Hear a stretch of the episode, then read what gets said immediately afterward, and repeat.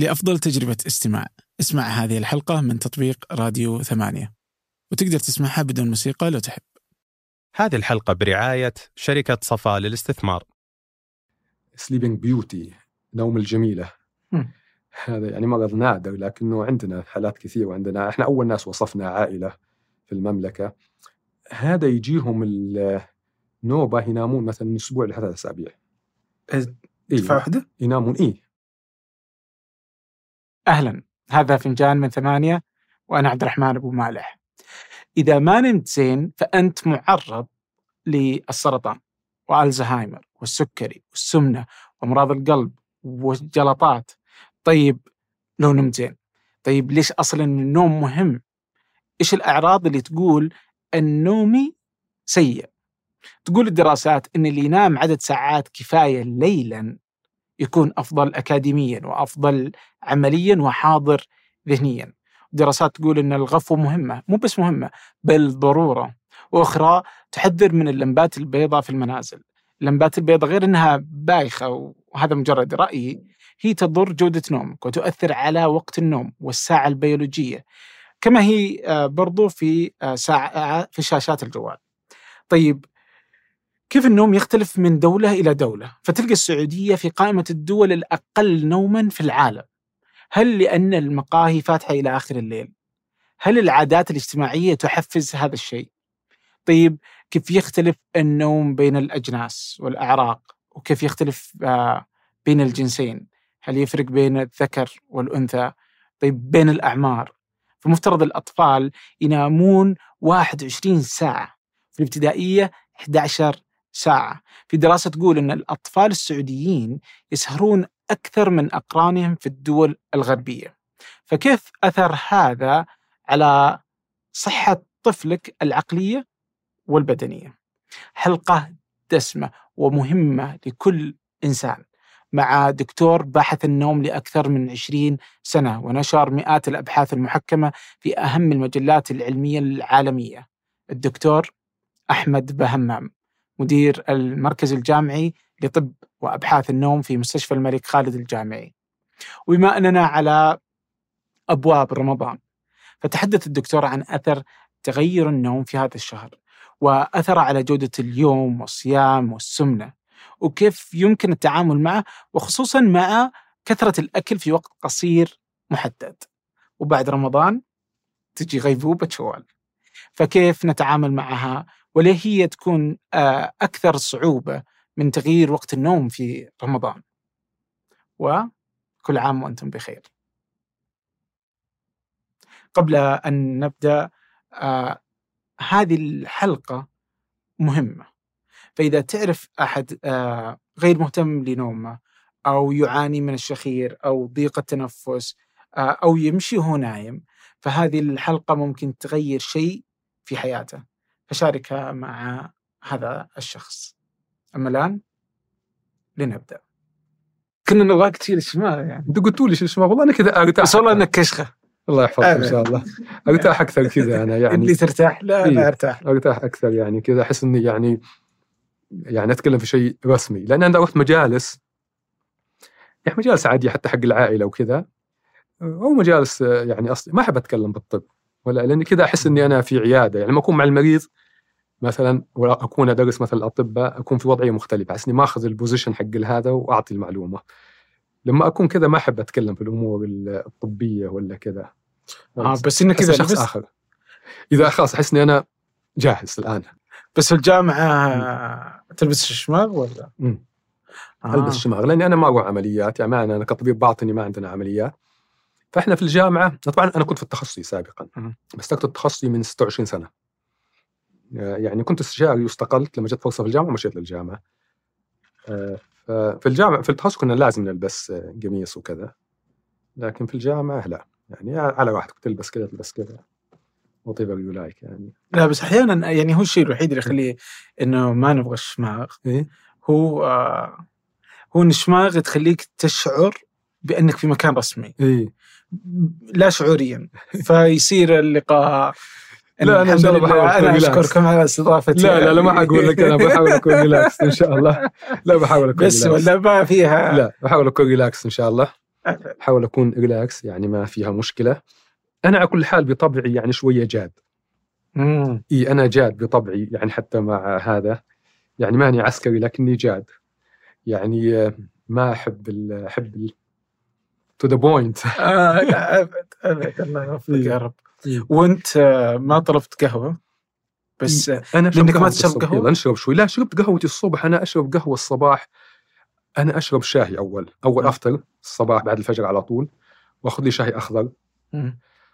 وأنا وأنا بالسيارة جاي الجامعة. أوصل مكتبي حوالي الساعة 6 ونص الصبح. هذا نظامي. 6 ونص الصبح أنا بالمكتب عادة. 6 ونص بعد الأربعة على حسب الزحمة. آه، بعدين إذا وصلت يكون معدل حوالي ساعة ونص آخذ قهوتي ذاك الوقت لأنه لو اخذتها الصبح بدري هي مفعولة حوالي أربع ساعات خمس ساعات. فيعني ممكن ينتهي مفعولها عشان تعطيني نشاط بقية اليوم. طب خذ واحد ثاني. خلاص بعدين ما عاد لكن هذا عشان هذا عشانكم بعد. آه. إحنا ندوق منها إن شاء الله. لا لا توقعت إنك آه، ما تشرب القهوة. لا أشرب قهوة. لانها يعني كذا لشيء له علاقة بالنوم وشيء زي كذا. لا هي القهوة في الصباح آه، ما فيها مشكلة. والقهوة مفيدة. كثير من الأبحاث الآن تقول القهوة مفيدة حتى مفيدة للقلب مفيدة يعني مثلا الشرايين مفيدة للتركيز. حتى الآن أبحاث يعني بس إنه في أو أو أولها يعني ما بعد إنه حتى قد تكون مفيدة للي عندهم مثلا مقاومة جسم للإنسولين لتشمع الكبد. بس ما هي أبحاث قوية لا لكن في دلالات تشير إلى هذا. فالقهوه كقهوة إذا كانت يعني قهوة خالصة جيدة آه، ما فيها مشكلة ولا الشاي. الشاي أيضا في مضادات الأكسدة كثير يعني. لكن هي مشكلتها مع النوم مشكلة الإفراط فيها سيئة. الإفراط فيها يجيب نتائج عكسية حتى على القلب وعلى الضغط وعلى كذا قد يكون عكسي. وأيضا الإفراط فيها لأن هي القهوة تشتغل على مستقبل في الدماغ. آه، آه، يشتغل على ناقل عصبي اسمه الأدينوسين. الادينوسين ما أدري حنسجل الآن ولا سجل. طيب. الادينوسين هذا يجيب النوم. إذا إذا الواحد ما نام يتجمع الادينوسين. يتجمع يتجمع يتجمع في الدماغ ويحس واحد إنه إنه نعسان. إذا كان عنده حرمان من النوم ما اخذ نوم كفاية. فلما واحد يكثر من القهوة يكثر من القهوة يكثر من القهوة آه، لأن هي القهوة تعمل بلوك للمستقبلات هذه تسدها. فتبدأ تزيد المستقبلات في الدماغ. فلما تزيد المستقبلات يجي واحد مثلا يوم ما يشرب قهوة يكون في رمضان صايم هو متعود يشرب قهوة بكميات كبيرة تيجي يصير يشعر بنعاس زيادة لأنه الادرينالين لما يبدأ يزيد حصل مستقبلات أكثر يشتغل عليها. يصير مبسوط يعني.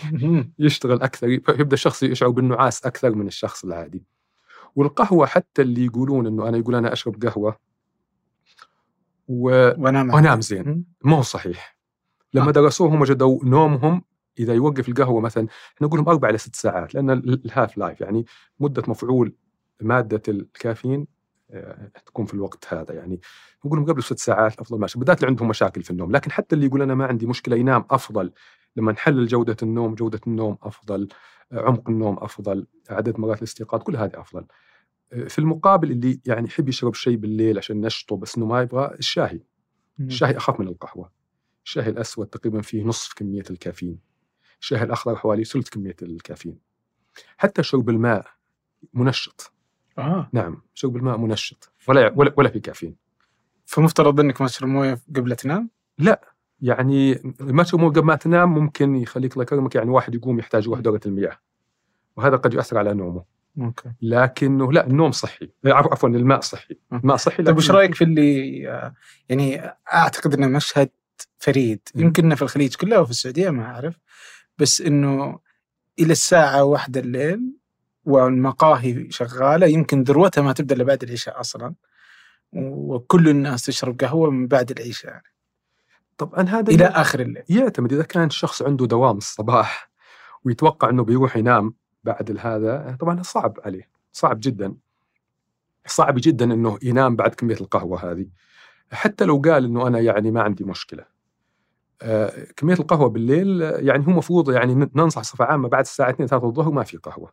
إيه على أساس واحد يستطيع ينام بالليل. يعني ممكن إحنا نتعرض بعدين للنوم الطبيعي اللي الله خلقنا عليه يعني لكن هذه مشكلة. لهالسبب في كثير من ال- خلك من دراساتنا المحلية ممكن نتعرض لها بعدين. آه، الأمور العالمية لما يطلع مثلا يقول لك أقل دول ينامون بالعالم.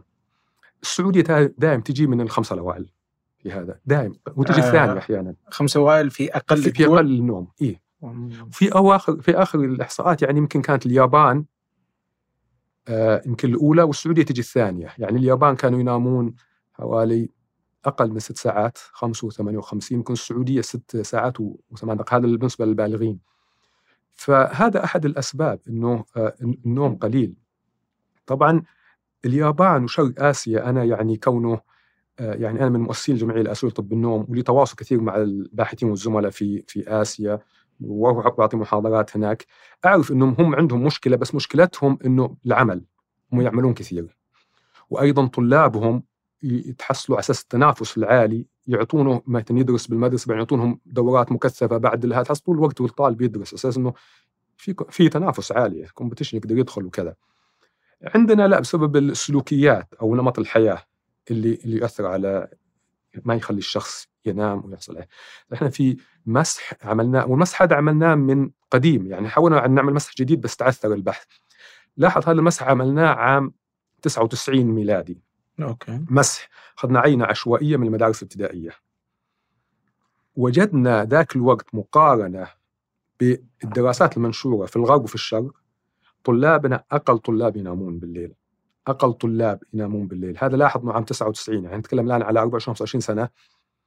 آه، التكنولوجيا زادت ممكن نتعرض للتكنولوجيا بعدين وتأثيرها. وش اللي حصل الآن؟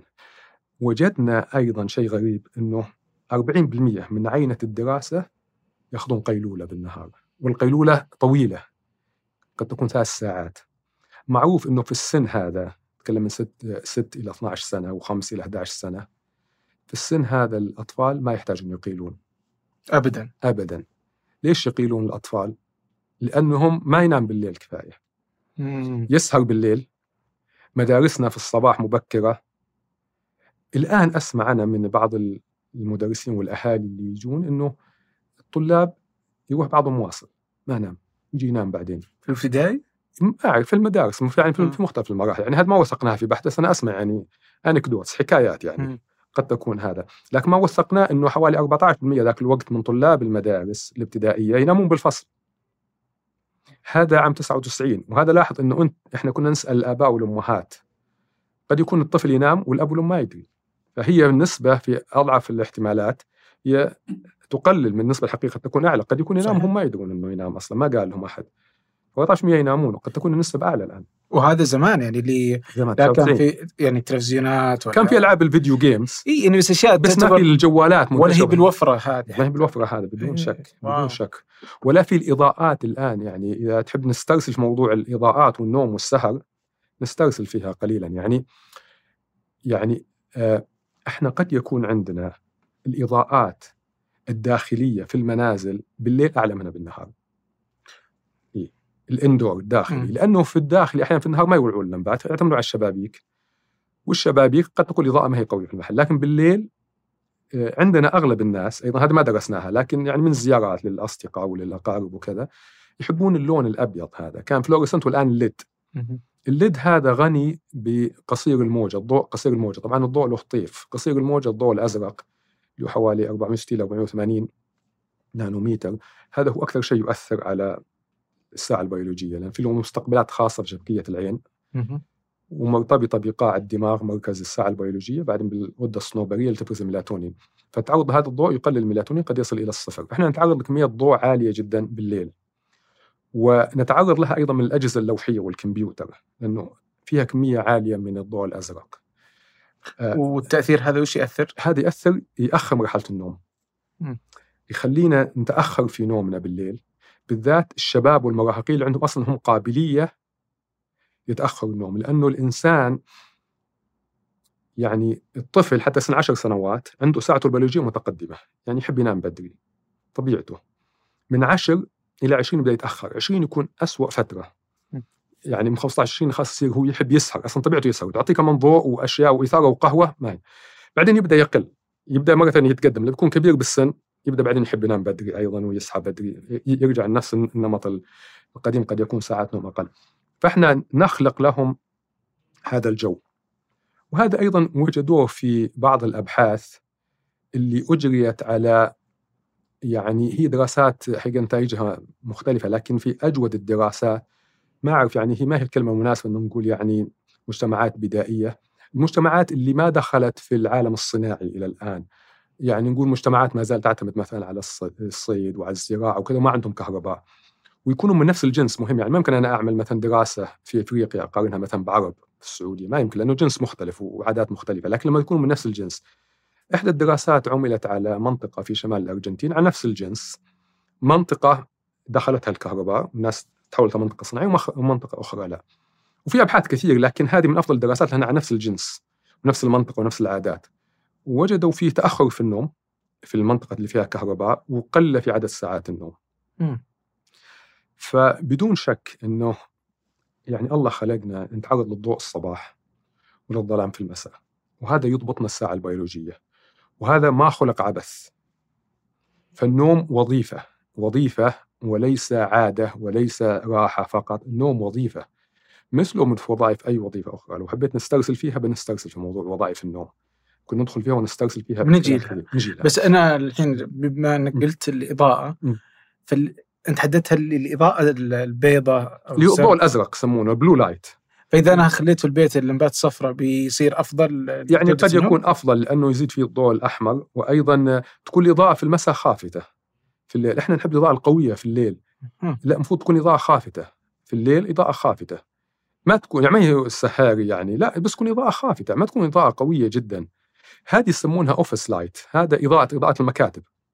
هذه في ال office تكون في العمل لكنه في المنزل المفروض ما يكون اوفيس لايت اباجورات أشياء خفيفة يعني. هذه بالضبط. وأيضا أنا أقول لكثير من الناس اللي عندهم مشاكل في النوم يفعل تطبيق اللي يقلل من الضوء الأزرق. في التطبيق آه. هذا اللي هو ال night app أو شيء يسمونه لها أسماء أو في الإعدادات أتوقع الآن في الإعدادات لها في أكثر الأجهزة الآن. يعمل على الأقل حجب جزئي. للضوء الازرق ويأثر فعلا ولا؟ يعني هو موجود اليوم في الأعدادات فيحول شاشتك من زرقاء إلى صفراء. إلى صفراء بالضبط. بس هل فعلا يعني أتذكر إنه في أحد تكلم إنه يعني أثرها مو كثير لأنه في الأخير هي الشاشه قريبة من قد يكون ما هو كبير لكنه أفضل من إنك تخليها عادي يعني. وأيضا الأشخاص عندهم مشاكل ما يجي نوم بالليل يعني أقول لهم في الصباح إذا طلعت لا تحط نظارة شمسية لأنه اوريدي سياراتنا كثير منها مظللة الآن حديثا حتى لو ما حطت تضليل هي تمنع ال ultraviolet أو فوق البنفسجي اللي هو مضر بالجلد وكذا ومضر حتى بالعين. ففي الصباح مهم إنه يتعرض لضوء جيد وأيضا إذا كانوا في مكاتب في الصباح في شبابيك يفتحون الستاير يعني. مهم تكون الاضاءه لأنه الضوء الداخلي في أحسن الأحوال يكون 500 شمعة. الضوء الخارجي اقله 10000 شمعة وقد يصل إلى 100000 شمعة إذا كان في يوم مشمس. وهذا مهم لأنه قدرة الشخص على استقبال الضوء تختلف من شخص لآخر. وش أهمية استقبال الضوء في النهار؟ إيه، لضبط الساعة البيولوجية. آه. مم. فيأثر على النوم تعرض بالليل طبعا طبعا. مو مو تعرض للشمس تعرض للشمس مفيد للفيتامين د إيه. لا. للضوء. مو هو واحد يناظر بالضوء العين تستقبل الضوء يخلي في شغله هو. يعني إحنا لو فكرنا موضوع معايره calibration ساعة كل يوم تعايرها وليس حتى الدقيقة يعملها معايره كل يوم اللي يعاير لنا الساعة البيولوجية هو الضوء. في عدة عوامل مهمها الضوء في في الأكل وأشياء أخرى قد نتعرض لها أيضا. لأنه في ساعة مركزية في قاع الدماغ وفي ساعات طرفية كل خلية فيها ساعة بيولوجية طرفية. لازم يكون في تناسق بين الساعة المركزية والساعات الطرفية. وتناسق بين الساعة البيولوجيه في الجسم ككل والساعة الخارجية اللي هي الليل والنهار الخارجي اللي إحنا نعيش فيه. لو ترك الناس في غرفة بدون إضاءة أو إضاءتها خافتة تتغير ساعتهم البيولوجية ما تكون 24 ساعة بدها تطول قليلا. وش الساعة المعيارية أو المثالية؟ هو الساعة تقريبا يعني إحنا نكون عادة يعني أطول من 24 ساعة بقليل. لكن اللي عملنا المعايرة اليومية التعرض للضوء. طبعا في نقطة ما أدري تهم تهمكم ولا لا. أنا عندي أبحاث. أنا كتبت عندي اهتمام في موضوع كتبت كثير في موضوع النوم من منظور إسلامي. يعني كان عندنا هذا مقالات علمية أنا أقول بالإنجليزي يعني أكتبه وفي مجالات علمية محكمة. يعني sleep from Islamic perspective مثلا. بعدين Quranic insight into sleep نظرات قرآنية إلى النوم. ومثلا Muslim scholars contribution to sleep and dreams دور العلماء المسلمين. طبعا أنا لما أكتب فيها ما أكتب من إعجاز لأني أنا أنا بالنسبة لي القرآن والأشياء معجزة ما يحتاج إني أثبت. أنا عشان أفهم الآية وقد يساعدني إني أطلع بفرضيات بحثية لأن أنا باحث طبيب وباحث أكاديمي. فعشان أطلع بنظريات بحثية قد تساعدني. وطلعنا بنظريات وأشياء ساعدتنا مثلا لما أتأمل في سورة الكهف مثلا يعني الشمس تزعر عن كافهم ذات اليمين وإذا غربت تقرضهم ذات الشمال. كان الضوء يدخل يدخل بالليل وبالنهار يدخل على الكهف الضوء. طبعا المفسرين فسروها لهم فهموا أنا مفهومي كطبيب مختص في طب النوم وفي أبحاث النوم. مهم الضوء لضبط الساعة البيولوجية للاشخاص لأنه وجدوا إنه حتى الضوء آه، الضوء والشخص نايم. إذا كان إضاءة قوية في الغرفة يؤثر على إفراز هرمون الميلاتونين. وهو هرمون مهم قد نتعرض لوظائفه لاحقا. حتى والشخص نايم. إذا في إضاءة قوية قد تؤثر قد ترفع الضغط قليلا. الإضاءة القوية الساطعة والواحد نايم بالغرفة. فهذا مثلا من ضبط الساعة البيولوجية. طبعا آه، أصحاب الكهف إحنا كتبنا يعني فيها كثير جدا فيها كثير علامات. بس منها اللي يهمنا إحنا قضية الضوء. وتحسبهم ايقاظا وهم رقود يعني أنه قد تكون العين مفتوحة أيضا استقبال الضوء يكون أعلى. وهم رقود أيضا سمهم ايقاظا لأنه معناه أنه قد يكون يرمش لما يرمش مهم لحماية العين ما يكون العين مفتوحه وما يرمش الشخص الشخص يصير فيها بعدين القرنية يصير في مشاكل.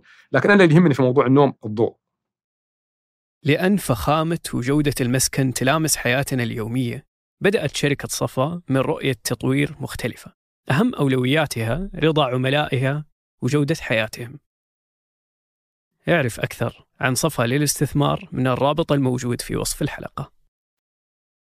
الضوء مهم أساسي لضبط الساعة البيولوجية. لذلك في السابق الناس ما كان عندهم مشاكل كثيرة في الساعة البيولوجية عندنا مشاكل كثيرة في الساعة البيولوجية الآن. بالذات في الشباب. يعني نشاهدها كثير يجدون صعوبة في الاستيقاظ في الصباح.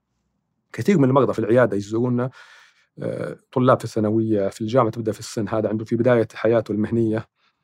آه، عندهم هذه المشكلة. هل هي مشكلة ولا المنطقي إن الإنسان يصحى وهو تعبان؟ لا المفروض الانسان ما يصحى تعبان. هم عندهم الشباب هذول مشكلة إنه ما يجي النوم بالليل. ما يجي النوم بالليل. إذا على الساعة 2 3 تو ينام. بعدين يجون يصحونه الصباح ما يستطيع يقوم إذا راح يكون تع- تعبان جدا نعسان طول اليوم. إذا جاء الليل يتنشط. يكون أنشط بالليل. يقول لك لو أجهدت نفسي على أساس أنام بالليل ينام بالليل ساعة ساعتين وي- ويقوم. لأنه كأنها قيلولة للشخص اللي متعود ينام بالليل.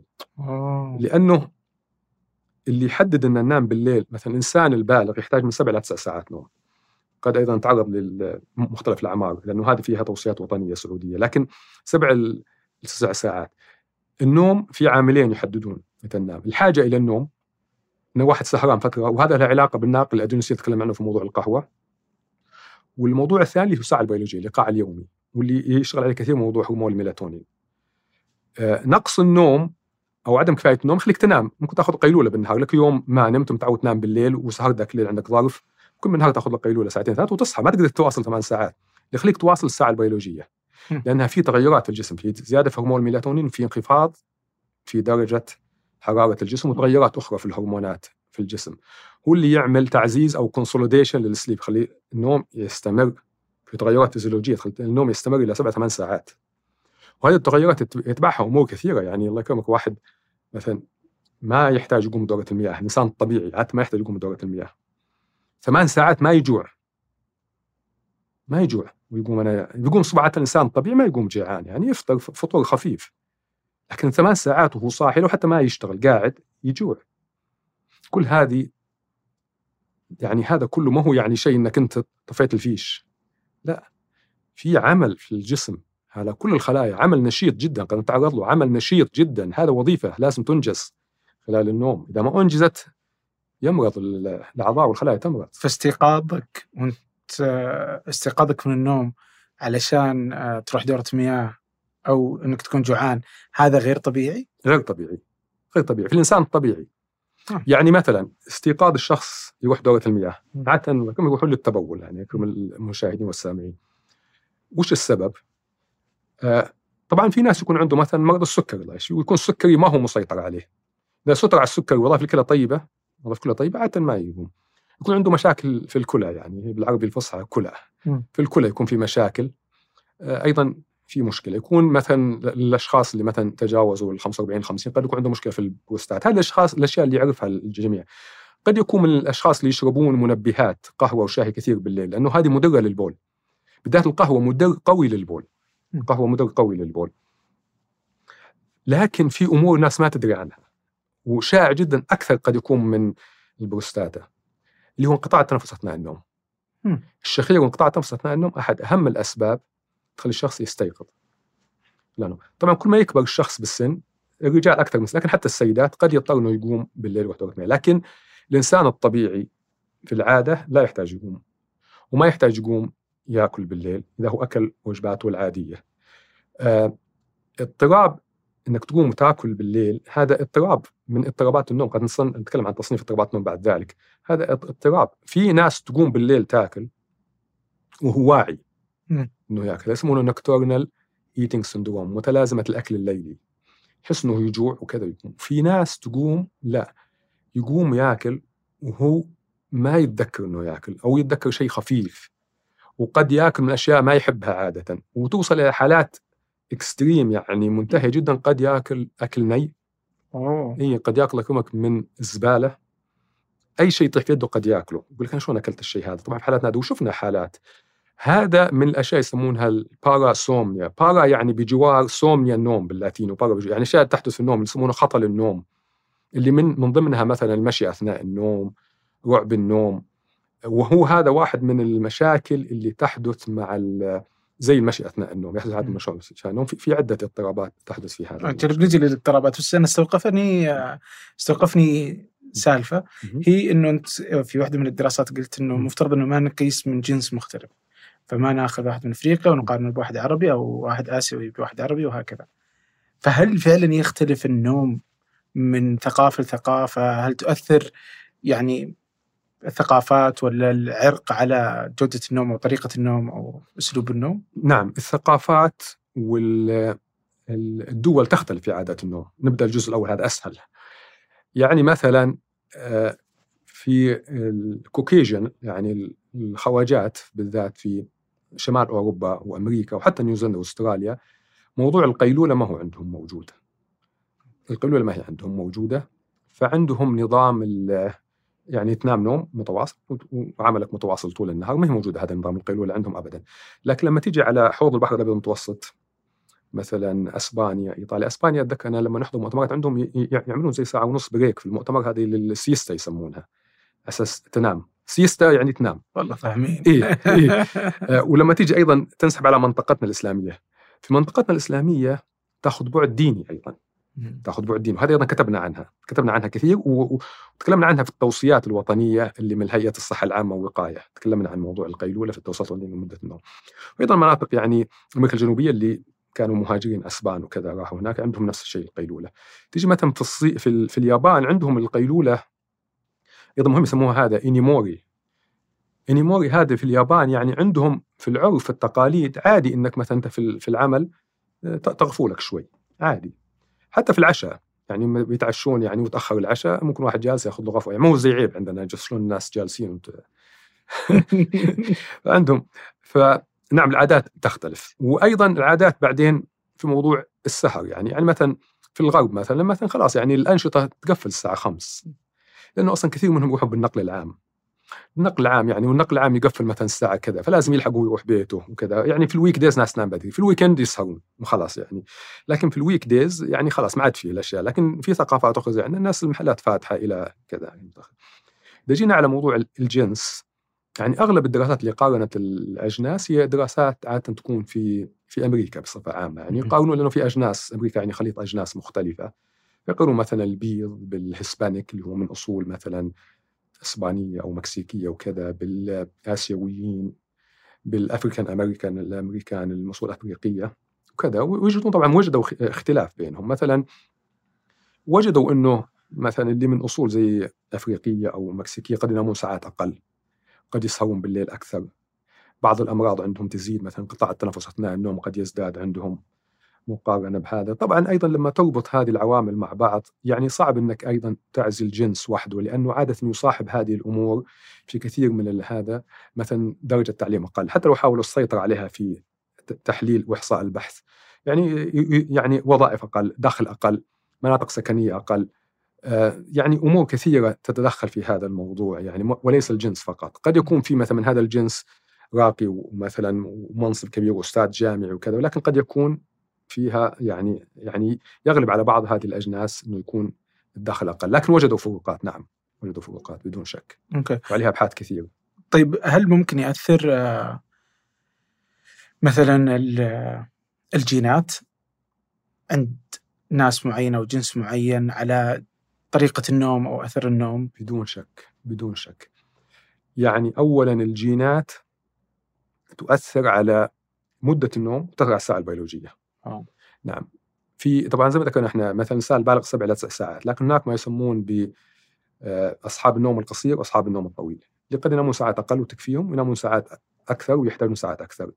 والمقياس في النهاية هو النشاط بالنهار والإنتاجية والأداء والتركيز والنفسية مرتاحة ولا في تعكر مزاج ولا في أمراض مصاحبة تفسر يعني النوم القصير يزعجه شيء بالنوم أو يفسر النوم الطويل إنه ما يشبع نوم عنده مشاكل. وهذه وجدوا ان لها علاقة بالجينات حديثا يعني وجدوا الدراسة لو حاب يعني في التفصيل قليلا يعني في شيء قد يكون يعني يعني غريب للمتابعين إنه ذبابة الفاكهة سبحان الله هي النموذج الأمثل لنوم الإنسان. سبحان الله أيوة. كيف؟ في الساعة البيولوجية وفي مدة النوم في كل شيء هي أكثر شيء يشابه الإنسان في النوم ذبابة الفاكهة فعملوا تعديل لنماذج حيوانية من الذبابة. اللي تنام ساعات قصيرة تنام ساعات طويلة. وبعدين درسوا الجينات. وجدوا أنه حوالي 118 جين مختلفة باللي يناموا ساعات قصيرة. فهذا يدل أنه في عامل وراثي. لكن الجيد في الأمر أيضا أنهم وجدوا أنه ذبابة الفاكهة اللي تنام ساعات قصيرة وتنام ساعات طويلة ما أثرت على في النهاية الوفيات. يعني إذا كان جسمك يحتاج الشيء هذا. لأنه لما نتكلم عن عدم كفاية النوم قد يأثر على الوفيات. لكن إذا كان جسمك يحتاج هالشيء ما في مشكلة. أيضا الساعة البيولوجية الساعة البيولوجية وجدوا إنه مثلا إذا أنت من النوع اللي ما يجيك النوم بالليل بدري وتحب تنام بالنهار وتقوم متأخر أيضا له علاقة بالجينات. وهذا عامل وراثي قد ينتقل من الأب والأم إلى اولادهم لا ينتقل قد تكون يعني صفة متناحيه يعني ما حدد الجين بالضبط يعني وش الجين بالضبط لكن له علاقة بدون شك يعني آه، في الموضوع. أيضا حتى من قد نفصل فيها لاحقا تذكر الأحلام. تذكر الأحلام عند البعض وأسباب كثيرة قد نفصلها لكن أحدها الجينات. وجدوا أن بعض الناس يعني عندهم جين أنه يكون عنده قابلية أنه يتذكر الحلم بشكل أكبر. هناك أمراض تصيب النوم لها علاقة بالجينات أيضا. يعني هي تصيب النوم ولها علاقة بجينات الشخص. آه، يعني من الأشياء اللي إحنا درسناها في المملكة ما يسمى بمتلازمة كلاين ليفين أو النوم الدوري أو يسمونه sleeping beauty نوم الجميلة. هذا يعني مرض نادر لكنه عندنا حالات كثيرة وعندنا إحنا أول ناس وصفنا عائلة في المملكة. هذا يجيهم النوبة ينامون مثلا من أسبوع لثلاث أسابيع.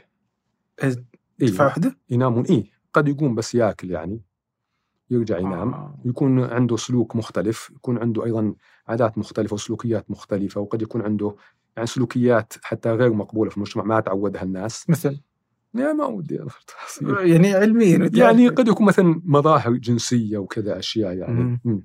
آه، قد يكون يعني. آه، فهذا مثلا له علاقة بالجين. وإحنا اشتغلنا على أول الدراسات اللي حاولت توصف الجين يعني كانت من السعودية هذه الدراسة.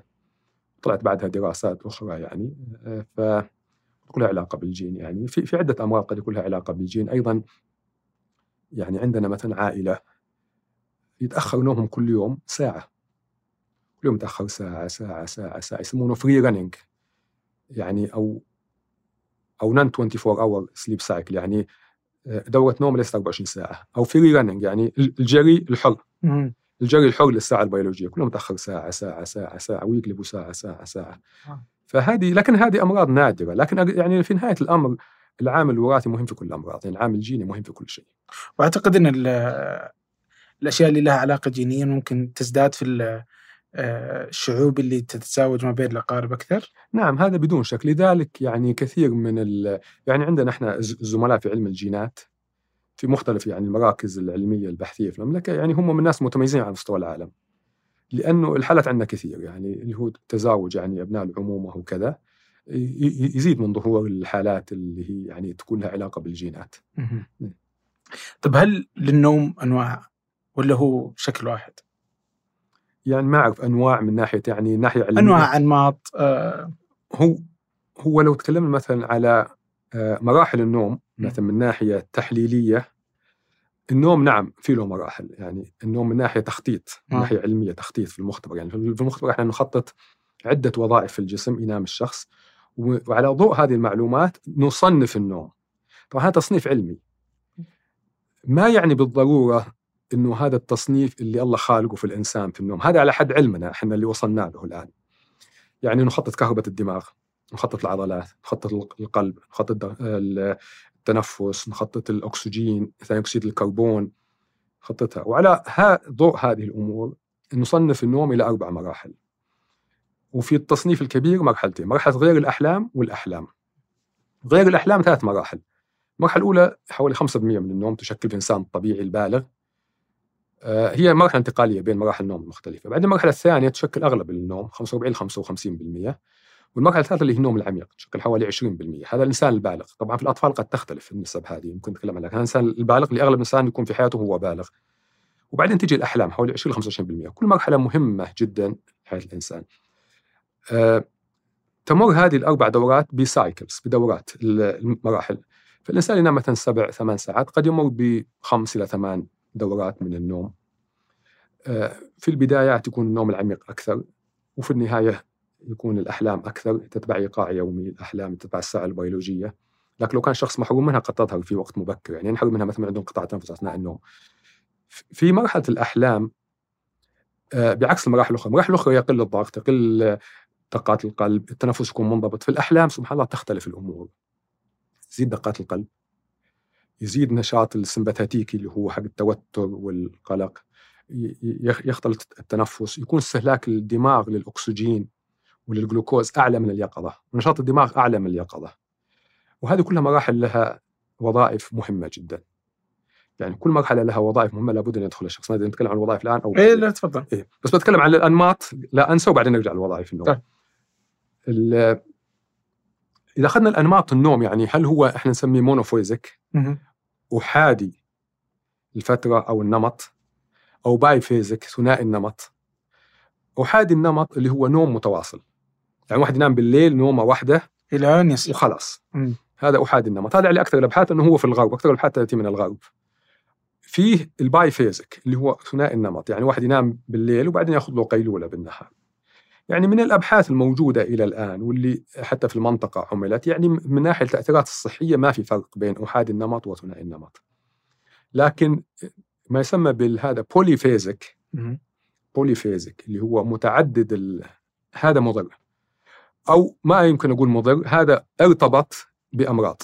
يعني ما نقدر نقول هو السبب لكن يصاحب الأشخاص اللي عندهم polyphasic فينام أكثر من ينام أكثر من نوبة نوم تجيه ثلاث أربع خلال 24 ساعة يكون عاده عندهم أمراض أخرى عضوية ليس بالضرورة إنه يكون السبب لكنه في association في ارتباط بينهم عادة مثل إيش؟ مثل الضغط السكري مم. أمراض القلب تصلب الشرايين الجلطات الأورام كثير من الأمور هذه الخرف كثير من هذه الأمور تكون تزداد عندهم.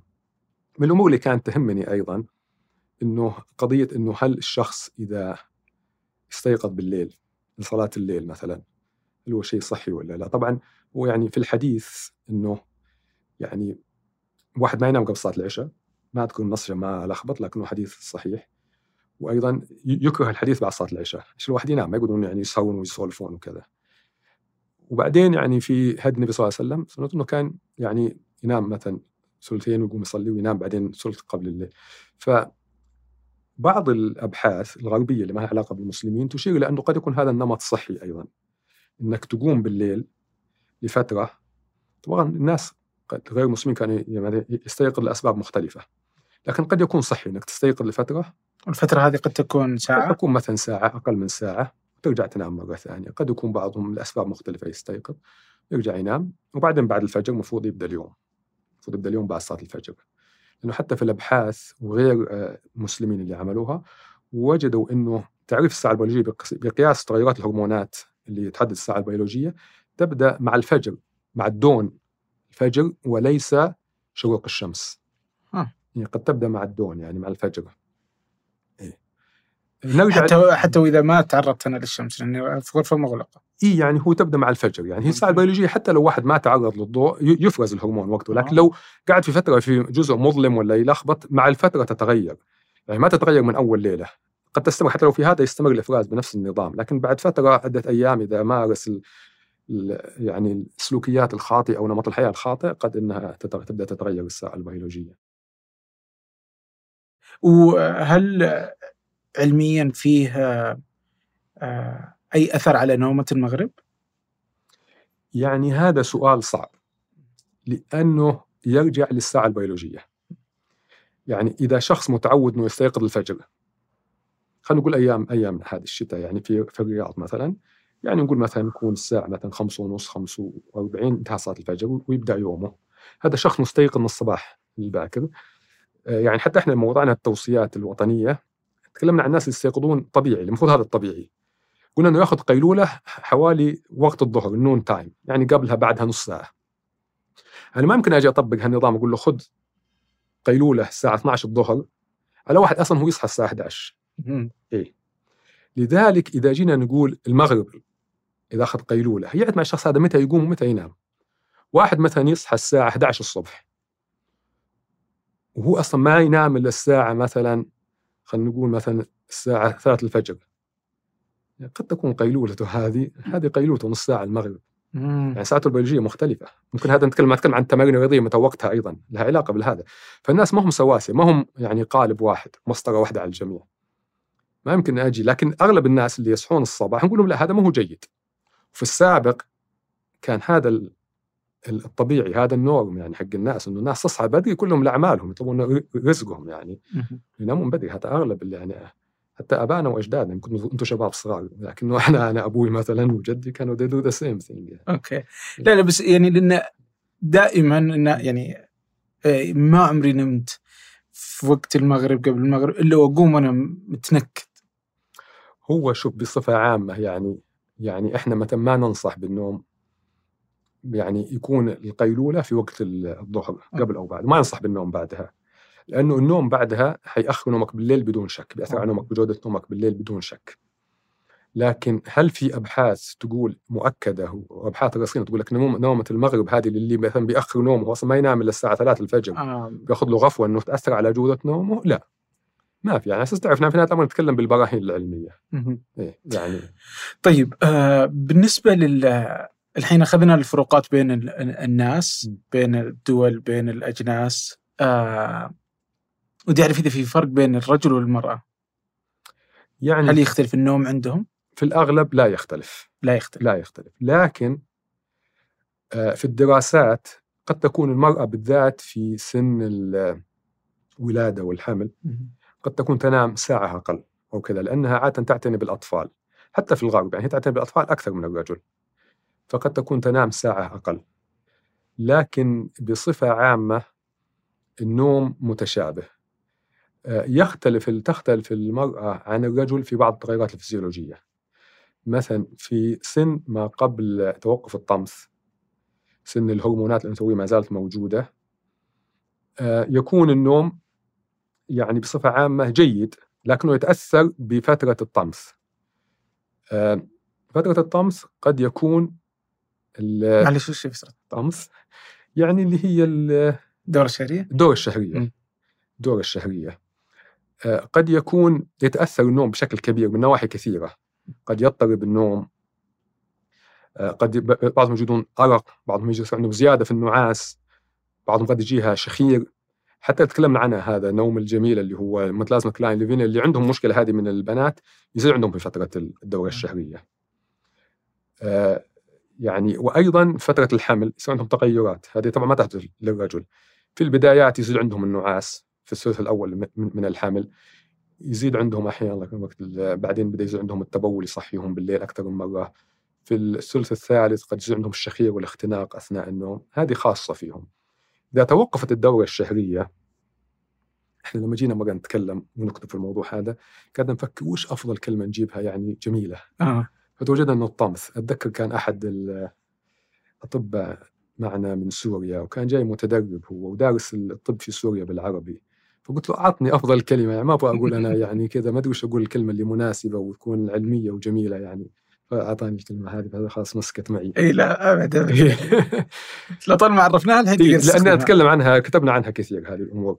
طيب فاللي يحصل في دورة إيه؟ الطمث إيه؟ أو فترة الطمث. إيه؟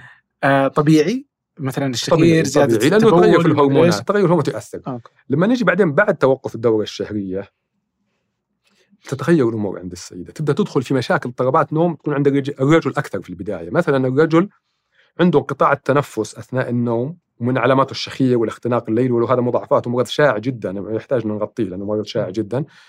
أعلى عند الرجل أعلى عند الرجل منه عند السيدة. هو مرض رجال أكثر منه سيدات. تقريبا ضعف إلى ضعفين ونص ثلاث أضعاف إصابة السيدات. لأنه مجرى التنفس العلوي عند الرجال تركيبته تختلف عن المرأة فهو أكثر قابلية للانسداد. لكن بعد توقف الدورة الشهرية أو الطمث آه، تبدأ المرأة تكون نفس شيوعه عند الرجل. آه. تدخل نفس المشكلة. أيضا انقطاع التنفس عند السيدات في سن أصغر يحدث في مرحلة الأحلام أكثر وهذا اضطراب قد نتحدث عنه يختلف عن عن انقطاع التنفس في كل مراحل. الرجل لا عادة يقطع في كل المراحل. فهذا أيضا من الأشياء المرضية اللي تحدث. عندهم مثلا السيدات عندهم مثلا متلازمة تململ الساقين إنهم يحسون مضايقة في رجليهم. هذه شائعة جدا بس الأطباء ما يدرون عنها. شائعة تمنعهم من النوم. أعلى عند السيدات لأنه السيدات أكثر عرضه لفقر الدم بسبب أيضا فقدان الدم في الدورة الشهرية. الرجل عاده ما يكون عنده فقر دم إذا عنده مرض الرجل ما يتعرض حتى في كبار السن ما يكون عنده فقر دم الحديد عادة إلا إذا عنده محل يفقد منه. لكن السيدات في سن الدورة الشهرية قد يعني يفقدون ويكون التعويض أقل. فهذه الاختلافات التي تحدث لكن في المجمل في التحليل في دراسات النوم هي متشابهة. أوكي يعني في واحدة من الدراسات كان آه، قالها أحدهم هي إن النساء يحبون يميلون إلى النوم في البيئة الدافئة بينما الرجال في بيئة يعني باردة. هو هو بصفة عامة بس أنا ما ذكرت نقطة إنه الأرق عند السيدات أعلى. الأرق عند السيدات أعلى من الرجال ومع كبار السن أعلى لكن السيدات أعلى قد يكون الأرق عند السيدات أعلى مو شرط إنه هو مرض أكثر قد يكون هم يجون الأطباء يعانون منه أكثر إحساسهم في أكثر من الرجل الرجل قد يتحملوا ما يجي يعني لكنه يجون العيادات وفي الأبحاث بشكل أكبر.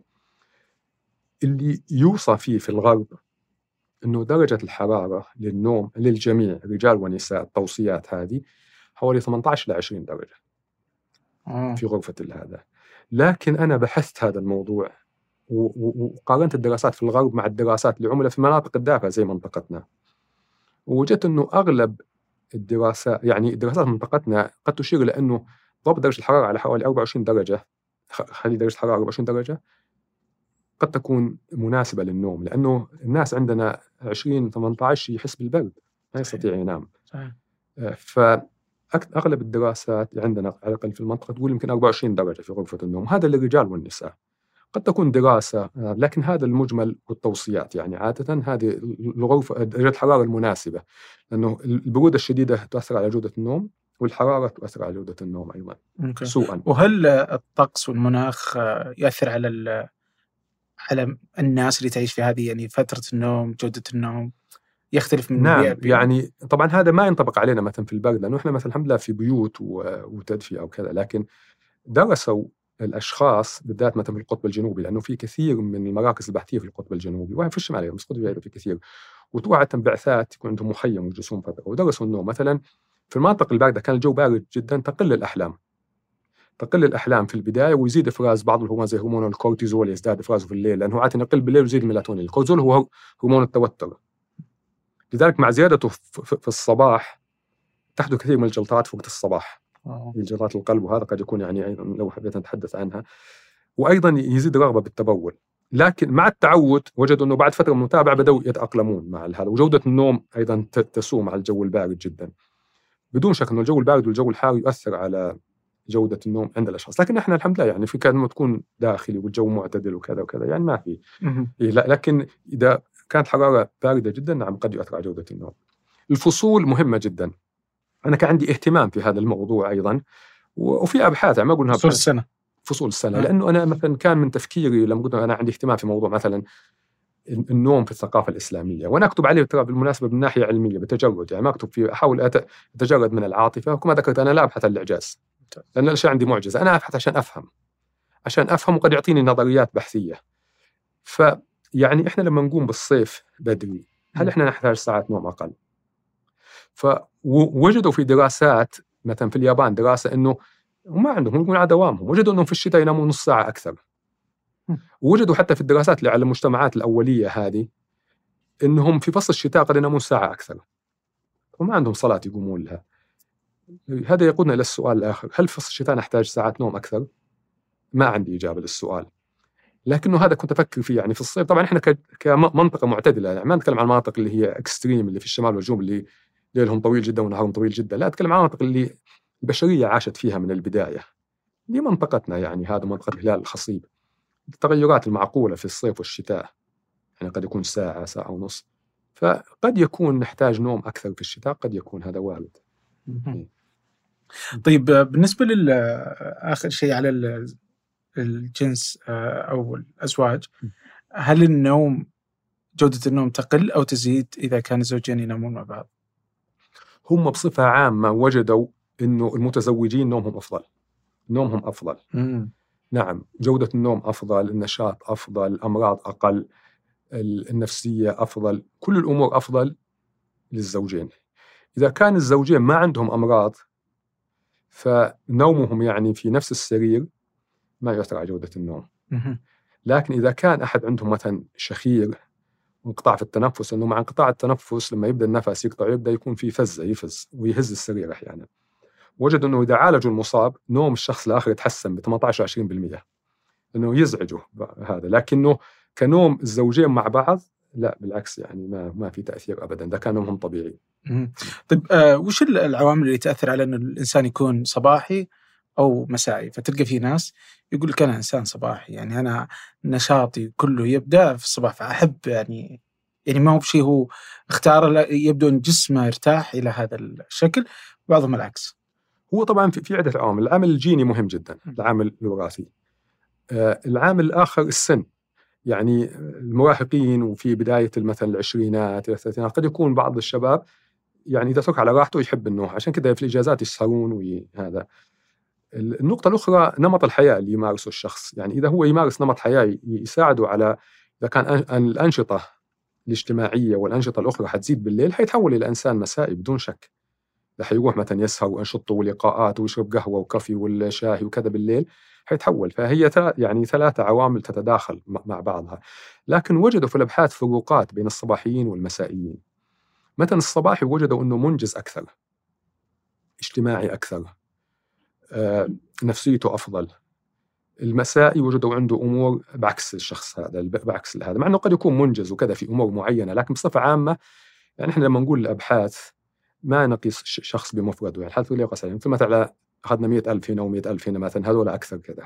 ما يعني أنه كل واحد لازم يكون من هالنوعية لكن وجدوا أنه الشخص الصباحي إنجاز أكثر وأمور أخ- أخ- أخرى أكثر يعني. أيوة. طيب آه، في واحدة من مقالات مهم. كتبتها يعني هنا أحس. إنها استغربت إنه موعد أو الموسم اللي يولد فيه الإنسان يأثر على إنه يكون صباحي ولا مسائي. صحيح هذا يعني كانت بعض الدراسات وعلى يعني التعرض لضوء القمر هذه دراسات يعني أولية ويعني قد يكون مثلا ضوء القمر يعتقد أنه قد يؤثر والمد والجزر قد يؤثر حتى يؤثر على نشاط الأرض. حتى الآن عن الزلازل مع سيرة الزلازل اللي حاصلة الله يحفظ الجميع. يعني هذه كلها قد يكون لها عوامل. يعني أنا أكتبها أحيانا من باب أنه في بحث ظهر وأنه في مجلة مرموقة وبحث محكم. لكن هذه أفكار قد تكون أكثر هي أطروحات بحثية أنه في هذا قد يحتاج له بحث أكثر. فصحيح الفصول قد يكون عليها تأثيرات. أنه الشخص هذا مثلا معرض أكثر يكون نهاري يكون ليلي. في بعض الدلائل لكنها عشان ما نعطي المشاهد أو المتابع معلومة ص- جادة في هناك دلائل لكن يحتاج إلى توثيق أكثر. لا قصدي إنه ممكن مو هو بالضرورة إني أنا أكون مسائي لعاداتي وسلوكياتي. لا لا طبعا. يكون لا لا العامل الجيني مهم جدا. العامل الجيني مهم. ال- العوامل الخارجية مهمة.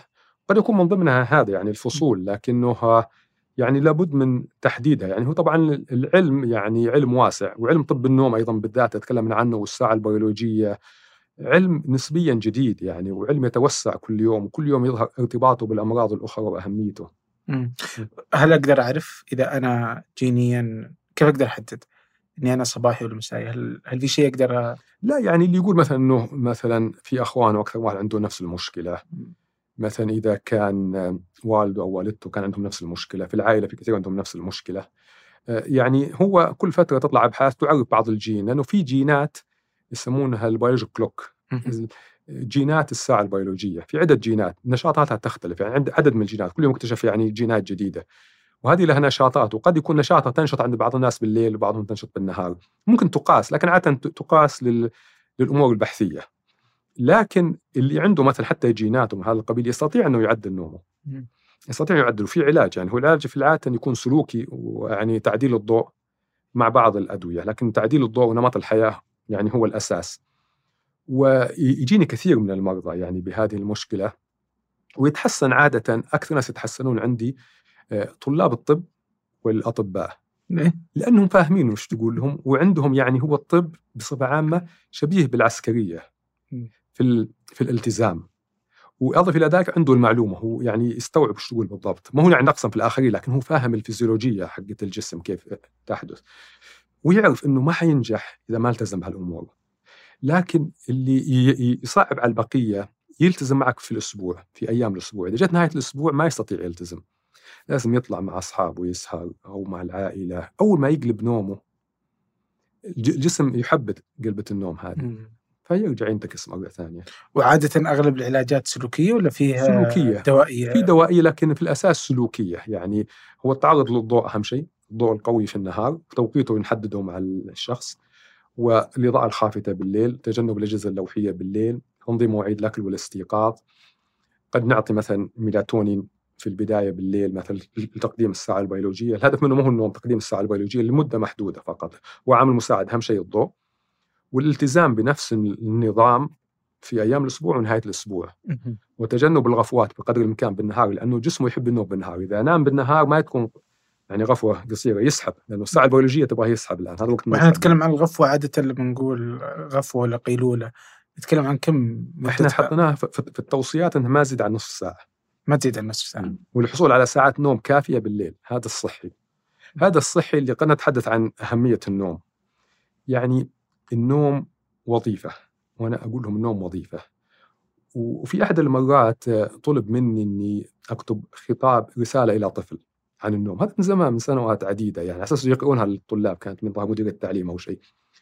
قلنا لهم إنه العقل السليم في النوم السليم. آه إيه العقل السليم في النوم السليم. تكلمنا عنه. هو مثلث الصحة اللي يعرفون الناس منه ضلعين ويركزون عليها والجميع يعرف الغذاء الصحي. والتمارين الرياضية. الضلع الثالث واللي قد يكون أهم النوم. لأنه بدون نوم صحي لا يمكن تشتغل الضلعين الآخرين. فالنوم الصحي مهم والنوم الصحي ليس فقط في جودة النوم ولكن في مدة النوم وتوقيت النوم. أغلب الأبحاث والتوصيات تقول سبع إلى ثمان ساعات أو سبع إلى تسع ساعات من النوم الليلي. الليلي. مهمة جدا. لأنه النوم النهاري في أغلب الأحيان ما يكون بجودة النوم الليلي إلا يكون في حتى لو حاولنا نخلق البيئة. ما تخلق البيئة البيئة تأثر عليك. كثير من الإزعاج من الإضاءة من الالتزامات أشياء كثير طب وش أهمية النوم؟ طبعا في أمور واضحة للناس في أهمية النوم. يعني الأمور الواضحة تعكر المزاج عدم التركيز زيادة النعاس آه، الاكتئاب قد يكون القلق والتوتر.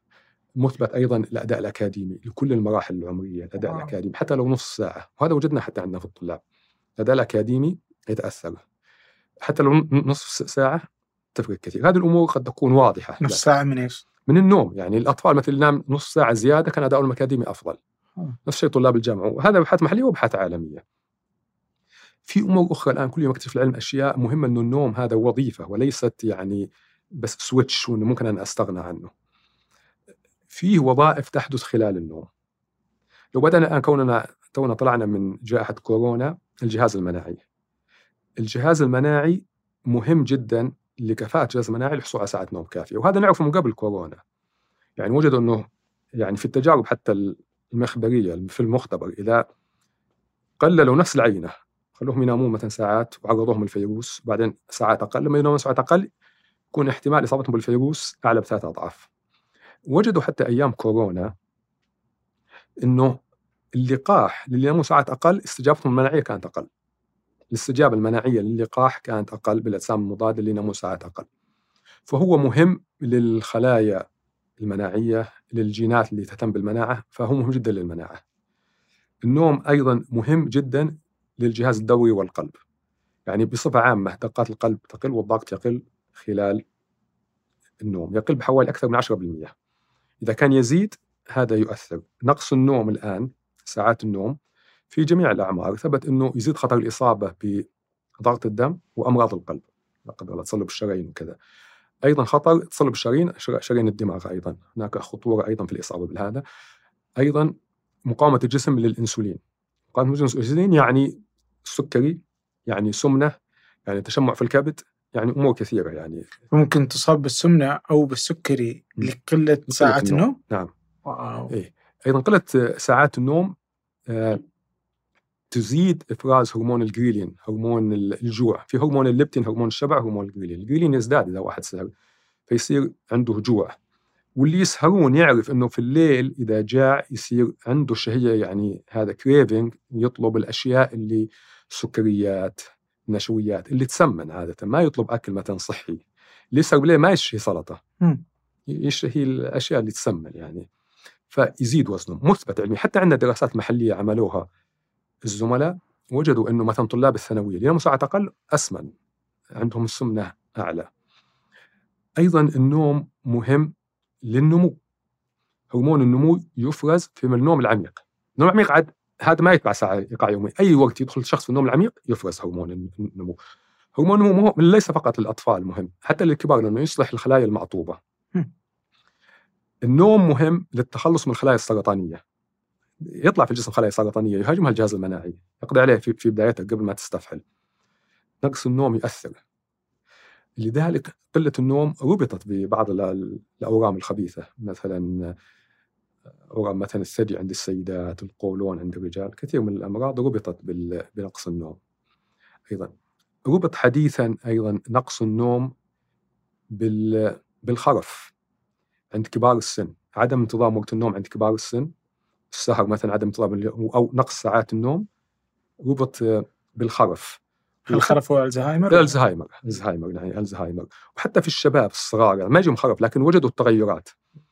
وجدوا في النماذج الحيوانية للأبحاث إنه صرف النفايات الخلوية الخلايا الدماغية يعني تشتغل طول اليوم يصير فيها صرف لل... يصير فيها إن- إنتاج للنفايات. هذه النفايات تتجمع وتكون البروتينات اللي إذا تجمعت تؤدي إلى الإصابة بالزهايمر اللي منها بيتا أميلويد وتاو بروتين وأشياء من هذا القبيل وجد انها إنها تصرف في النوم العميق في الجهاز الليمفاوي. الجهاز الليمفاوي تصرف. فمهم الدخول في النوم العميق حتى تصرف هذه ال- يعني مهم الواحد ياخذ ساعات كفاية. يعني قد يكون شيء بالشيء يذكر لأن عندي اهتمام أنا في قضية ال- قلت لك ال- الهدي الإسلامي في النوم. وجدوا إنه النوم على الجنبين يزيد الصرف ال- الخلايا في الجهاز الليمفاوي. النوم على البطن يوقفه تماما. اي لأنه هذه نومة منهي عنها. لكن زي ما قلت أنا أحاول أفهم وليس ولا أبحث عن الإعجاز انه كل شيء عندي معجز في القرآن والسنة معجز ما يحتاج إني أنا مؤمن فيه لكن أنا أبحث عشان أفهم. طب على الظاهر على الظهر آه، وسط كان بين الاثنين لكن على الجنبين كان أفضل شيء.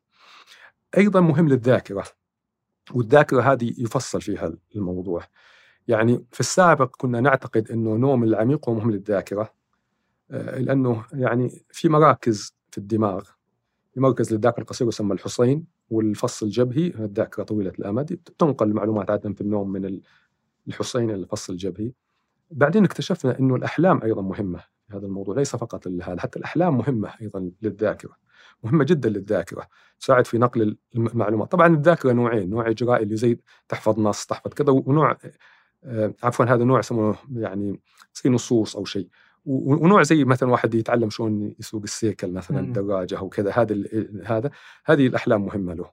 لأنه أنا اهتميت بهالموضوع وبحثت فيه لأني وجدت إنه في رمضان تقل الأحلام مع الصوم لكن هذا موضوع آخر يعني. لكن كان عندنا اهتمام في هذه القضية. أيضا وجد إنه الأحلام مهمة. سبحان الله شبهوها بالكمبيوتر يعني هذا بالرام بالرام لما يتعبى لازم إنك أنت يا تقفل يا تطفي الجهاز عشان يشيل اللي فيه. وجدوا إنه الحصين اللي هو الذاكرة القصيرة هذا على شكل كذا يسمونه الحصين. يجي بشكل كذا في اشعه المخ وجدوا إنه يتعبى وإنك إذا نمت يفضى فيقوم الصبح فاضي زي الرام اللي يقعد ي- يخلص الأشياء هذه في الأحلام فتروح الأشياء هذه وت- وتنتهي تروح وأيضا ال- الالتقاءات الخلايا العصبية أيضا تتشبع وبعدين وتنتفخ فبعدين تقل يعني مرة أخرى مع النوم. الأحلام أيضا مهمة للتخلص من ال- المشاعر السيئة. يعني الواحد يصير عنده مثلا ضغوطات طول اليوم وقد مشاكل ينام صدره ضايق سبحان الله يقوم الصبح كأنه شيء صار وجد انه جزء كثير من هذا يحدث في الأحلام. م. فالأحلام يعني برغم إنه النشاط أعلى وكذا مهمة جدا لتصفية الذهن لأشياء كثيرة. فمهم الشخص يأخذ كفايته من كل مرة. هذا الشيء اللي نعرفها طبعا في راسومات وكل يوم يتكشف شيء جديد يعني. طبعا هذا مؤتتهم العلمي لا قليله كل يوم يتكشف شيء جديد. لكن هناك وظائف للنوم وظائف لليقظة. ما يمكن خلط الاثنين مع بعض. فهل الحين على الذاكرة آه هي تنتقل من الذاكرة القصيرة في وقت النوم إلى الذاكرة الطويلة ولا؟ نعم. تن- تنقل وتعزز ويصير استرجاعها أسهل. حتى وجدوا في أحد الأبحاث لأنه أيضا إحنا اشتغلنا على موضوع الأداء الأكاديمي والطلاب. وجدوا في أحد الابحاث إنه إذا أنت تنام ليلة الامتحان ساعات قصيرة وما تدخل ما توصل الأحلام لأنه الأحلام زي ما قلنا تتبع الساعة البيولوجية. فالإنسان الطبيعي عادة يزيد عنده الأحلام في نهاية النوم. عشان كذا الواحد لو الصبح قال خلينا ناخر نص ساعة انام زيادة أو شيء وكان قلق إنه ما راح الدوام أو مثلا ما قام صلى أو شيء يحس نومه كله أحلام لأن الأحلام تزداد في نهاية النوم. هذا أيضا موضوع الانقطاع التنفس قد يكون مهم الحديث عنه يجي انقطاع التنفس. وجدوا إنه أدائهم اسوء اللي ساعات أقل ليلة الامتحان لأنه قد يكون ما وصل مرحلة الأحلام. مرحله الأحلام مهمة للقدرة على استرجاع المعلومة أيضا النوم مو بس مهم للذاكره لتخزينها أيضا سرعة الاسترجاع. أنت في الامتحان تبغى تسترجع الذاكرة بشكل سريع تسترجع المعلومة. يعني لازم تكون ال... وأيضا رده الفعل مهمة جدا. يعني يعني اللي اللي يكون محروم من النوم ردة فعله بطيئة. عشان كذا الحوادث أعلى. حوادث أعلى نعم. اللي ينام أقل من خمس ساعات وجد أنه الحوادث قد تزيد عنده بنسبة ثمانية أضعاف. آه، مثلا خمس إلى مثلا سبع ساعات ثلاث أضعاف. فردة الفعل تكون أبطأ. ويعتقد أنه بعض الحوادث اللي حدث زي تشيرنوبل مثلا وبوبال في الهند يعتقد أنه قد يكون ال- الشخص اللي هذا ما نام بشكل جيد فما اتخذ القرار الصحيح. إذا كنت محروم من النوم قد تكون معلومة عندك لكن ما تتخذ القرار الصحيح. وأيضا الحرمان من النوم هذه نقطة مهمة. بعض الناس يعتقد إنه okay أنا بسهر في أيام الأسبوع بعوض في ال weekend في نهاية الأسبوع. هذه عليها أبحاث. ما تعوض في نهاية الأسبوع لأنك ساعة واحدة قد يحتاج لك أسبوع من النوم الطبيعي عشان تعوضها. نقص ساعات النوم قد يصل بعض إلى درجة إنه المخمور يعني اللي هو ماخذ كحوليات وصل درجة الممنوع يقود السيارة فيه. آه، أيضا القيلولة ما تعوض عن عدم النوم كفاية بالليل. الواحد إذا نام يش- يشعر بنشاط قد يعطيه شعور خادع إنه هو تحسن. لكن لا ما وجد وجد أيضا إنه التعويض في الويكند ما يقلل من خطر الإصابة مثلا بضغط الدم من من الحرمان من النوم.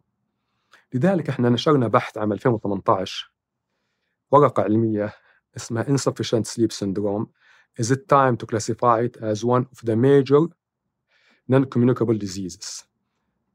النوم عدم الكافي متلازمة نوم عدم الكافي. وهذا في تصنيف النوم العالمي تعريف له تعريف عدم النوم الكافي. إنك تضع بيئة النوم إنه كل شيء مهيئ لك للنوم وأنت ما تبغى تنام. أنت ناس نعسان وتقاوم النوم ما تاخذ ساعتك الكافية. هل حان الوقت لتصنيفه أحد الأمراض الرئيسية غير المعدية؟ لأنه منظمة الصحة العالمية عندها أمراض رئيسية معدية وغير معدية. من غير المعدية مثلا زي اللي مدخنين السدة الرئوية مثلا ضغط الدم أمراض القلب السرطان. فقلنا أنه كل الشروط اللي تستخدم لتصنيف الأمراض غير المعدية الرئيسية تنطبق على الحرمان من النوم تنطبق عليه. الحرمان من النوم المفروض يصنف كأحد الأمراض كمرض في النهاية هذا أنه لأنك أنت إذا حديت من هالمشكلة أنت حديت من كثير من الأمراض. زي لما أعالج السكري أنا الآن أقلل من فشل الكلى من جلطات القلب والغدراء والدماغ من مشاكل مختلفة من بتر الأعضاء كثير من الأمور من الخرف من أشياء كثير. إذا حرصت على الناس أنه ثقافة أنه يا جماعة الخير ترى النوم مهم جدا بالذات الأطفال وكذا أنه أنا أمنع كثير من الأمراض العضوية. مم. ليس فقط النفسية ولا السلوكية ولا الأداء. هذه نقطة يعني مهمة جدا. طبعا إحنا رفعنا وصار عليها ردة فعل لكن ما ما سووا شيء يعني. ما- يعني لما نتكلم عن ال- النوم للإنسان الطبيعي نتكلم من ست إلى سبع ساعات. من البالغ. البالغ من سبع إلى تسع ساعات والكبير السن ساعات؟ من سبع إلى ثمان ساعات. كبير السن فوق 65 والأطفال؟ الأطفال مواليد مثلا قد يحتاج إلى 18 ساعة يعني 21 ساعة.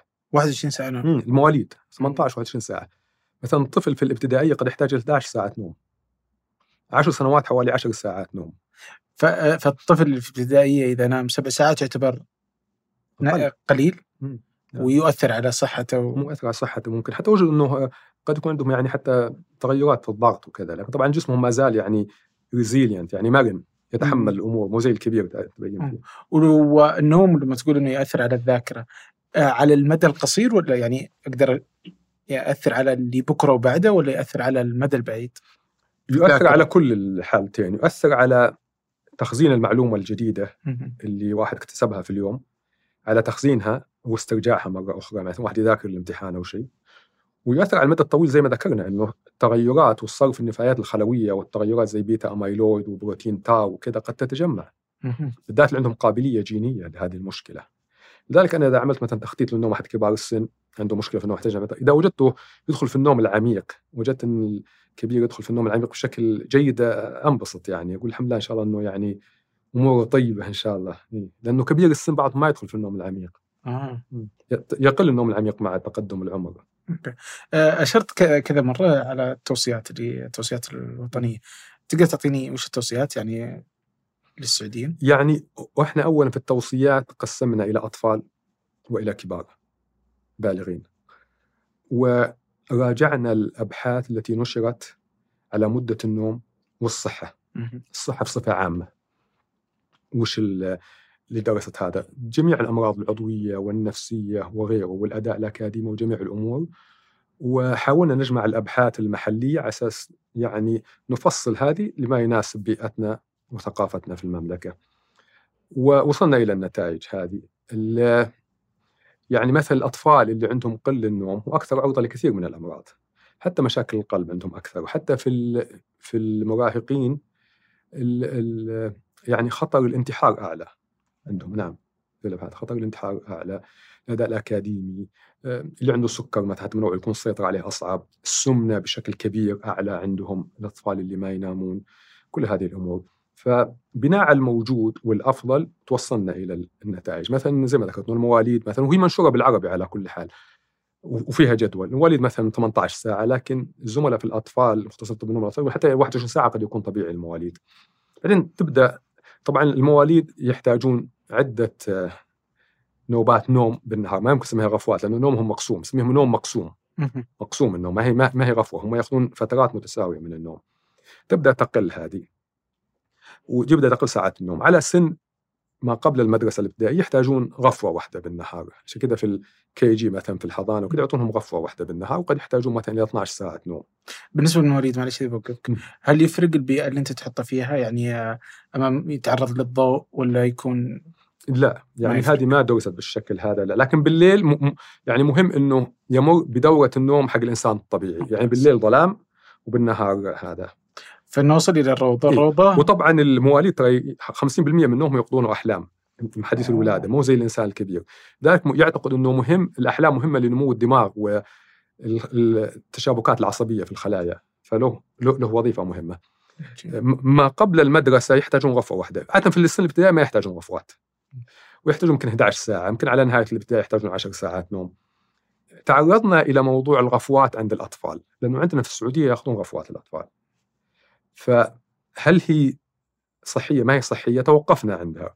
وقلنا الآن ما في دليل على انها غير صحية لكن هذا موضوع للبحث. المفروض مم. نعمل أبحاث وطنية ونرى هل الأطفال اللي يأخذون غفوات عندهم أمراض أكثر أدائهم الأكاديمي اسوء هذه منطقة للبحث العلمي ما زالت نحتاجها يعني بالمملكة عندنا. وبعدين طبعا المراهقين المراهقين يحتاجون تسع ساعات نوم يحتاجون ساعات نوم كثير المراهقين. ومهم إنهم يضبطون الساعة البيولوجية لأنهم كثير منهم عندهم قابليه للسهر خاصة مع تغيرات نمط الحياة. وبعدين البالغين يعني من العشرينات مثلا نقول بالشكل هذا وفوق العشرينات يعني بدون من حوالي سبع إلى تسع ساعات. آه، تعرضنا لموضوع القيلولة. قلنا القيلولة هي في ثقافتنا والأبحاث على القيلولة تختلف. في الغرب يقول لك مضره كثير من الأبحاث لأنهم في الغرب هم أصلا يعني أنت لما تحدث عن القيلولة هي ما هي في ثقافتهم. فلما ما تكون في ثقافتهم من اللي بيروح يقيل عندهم؟ التعبان المريض. المريض هو اللي بيقيل لأنه تعبان فلما تقول عندهم وفيات وأمراض أعلى أصلا أنت العينة هذه اللي أخذت ما يقيل عندهم إلا التعبان، آه. تعبان يعني مرضيا أقصد يعني. لكن لما تيجي في المجتمعات اللي في ثقافتهم القيلولة زي في اليونان وجدوا ان القيلولة مثلا القصيرة تحمي من أمراض القلب. في الصين عندهم ثقافة القيلولة أيضا وجدوا إنها تحمي من أمراض القلب وتخفف الضغط وكذا. فوجدنا إنه القيلولة إذا كان لها آدابها إنها حوالي نصف ساعة حوالي بالقليل ست ساعات بعد الاستيقاظ ونصف ساعة ما زال نصف ساعة إنها قد تكون مفيدة ما في شيء ضدها لكنها ما هي شيء إجباري. اللي ما يبغى يسوي قيلولة لا يسوي قيلولة. آم، طبعا القيلولة في لها آداب لأنك أنت إذا طولت ليش نص ساعة؟ لأنه بعد نص ساعة تدخل في النوم العميق. إذا دخلت في النوم العميق إيقاظك صعب. وقد يشعر فيها الإنسان حين يكون جاء مجهد ونام الظهر بعد مثلا ساعة إلا ربع وكذا جاء أحد يصحيه. أول ما يصحى ما يدري وينه آه. من اللي يكلمه. وش الوقت وش اليوم ياخذ له ثواني إلين ما وبعضهم تطول معه الحالة هذه ما يقعد شوي ملخبط فترة. فإذا دخلت وإذا قام يقعد له نص ساعة لين ما يصحصح لما يركز حس إنه مخه ثقيل وراسه ثقيل وصداع و... لأنه صحوه في المنطقة الغلط. لكن إذا كان ثلث ساعة ما يزيد عن نص ساعة يكون في المرحله الثانية من النوم فيكون الايقاظ سهل وتعطي هذا. يعني فيه آية إذ يغشيكم النعاس أمنة منه. هذه اللي هو قبل المعركة يعني. في أبحاث تقول إنه القيلولة القصيرة تنزل ضغط الدم وتهدي التوتر أيضا. إذا ما قلت لك أنا كنت أبحث عنها أيضا ولا أبحث عن الإعجاز أبحث عن الفهم. فهم يعني كيف أمنة منه؟ فهمت الآن إنه يعني فعلا هذه أشياء تتغير عندهم بس الفهم عشان أفهم يعني. وكتبنا عنها يعني أيضا نعم. بس يمكن برضو في الثقافة العربية م. أو حتى يعني يمكن في الثقافة العالمية بس يعني لما تيجي تاخذ بيت الشعر من. طلب العلا سهر الليالي إيه. يعني تعطي هذا الإيحاء أن كثير النوم هو كسول أو إنسان غير آه، مهتم للعمل والحياة وغيره. وأن كل ما قل نومك كل ما كنت يعني واضح أنك أكثر إنتاجية وأكثر عملا وأنك إنسان يعني كفو. فيمكن هذه برضو تأثر على فكرة أنه النوم ال- ممكن. هو طبعا من طبع علا سهر الليالي هذه للانضباطية. يعني يعني مجازا على الانضباط. والانضباط والعمل الجاد هو أهم شيء للنجاح. بدون شك. أهم من الذكاء وأهم من كل شيء آخر. لازم يكون شخص منضبط وجاد في عمله وملتزم. فقد يكون هذا للانضباطية. لكن السهر وقلة النوم لا بدون شك إنه هذا مثبت. لكن نرجع إلى قضية يعني أصحاب النوم القصير والنوم الطويل. يعني من الأمثال تذكر وأنا اذكرها يمكن حتى في تسجيلات سابقة لي مذكورة. إديسون العالم اللي اخترع الكهرباء وعنده ما أدري كم 100 اختراع أو كم اختراع كان ينام أربع ساعات. وكان أحد أسباب اختراعه للكهرباء والمصباح إنه يعتقد إنه النوم والليل مضيع الوقت. إحنا إذا هذا أنتجنا أكثر. لكن إينشتاين أيضا عالم آخر عبقري يقولون كان لازم ينام 10 ساعات. ما يجي لما نام 10 ساعات يجي المختبر متضايق. وكلهم عبقري. لكن قد يكون حاجتهم. لكن الشخص الطبيعي الحرمان من النوم آه، مرض جدا وسيء ويقود إلى كثير من الأمراض والمشاكل. نعم. طيب اللي يضطر آه، يعني هذا الإنسان الطبيعي بس اليوم إحنا في هذه الحياة. يكون الإنسان يعني يعني دوامه. ما يقدر يخدمه إنه يقدر ينام بنوم طبيعي فيكون عنده الشفتات أو المنوبات كيف يقدر يتعامل الإنسان مع هذه التغيرات الإجبارية على حياته؟ إي طبعا الشفتات الان أصبحت يعني واقع يعني لابد من التعايش معه كثير من الأعمال يعني معروفه يعني الأعمال الصحية الأمنية وغيره. آه الأفضل هو طبعا إنه آه تغيير الشفت يكون مع عقارب الساعة وليس بعكس عقارب الساعة لأنه تغيير النوم تأخير النوم سهل وتقديم النوم صعب. عشان أسهلها للمتابعين الحين دا يجينا قلنا رمضان ورمضان على الأبواب وأثبتناها من 25 سنة والآن بشكل أكبر. يوم كانت المدارس في رمضان 25 سنة كان في مدارس وبعدين جت توقفت والان رجعت مرة ثانية. كان الطلبة يأخرون نومهم من أول ليلة ثلاث ساعات.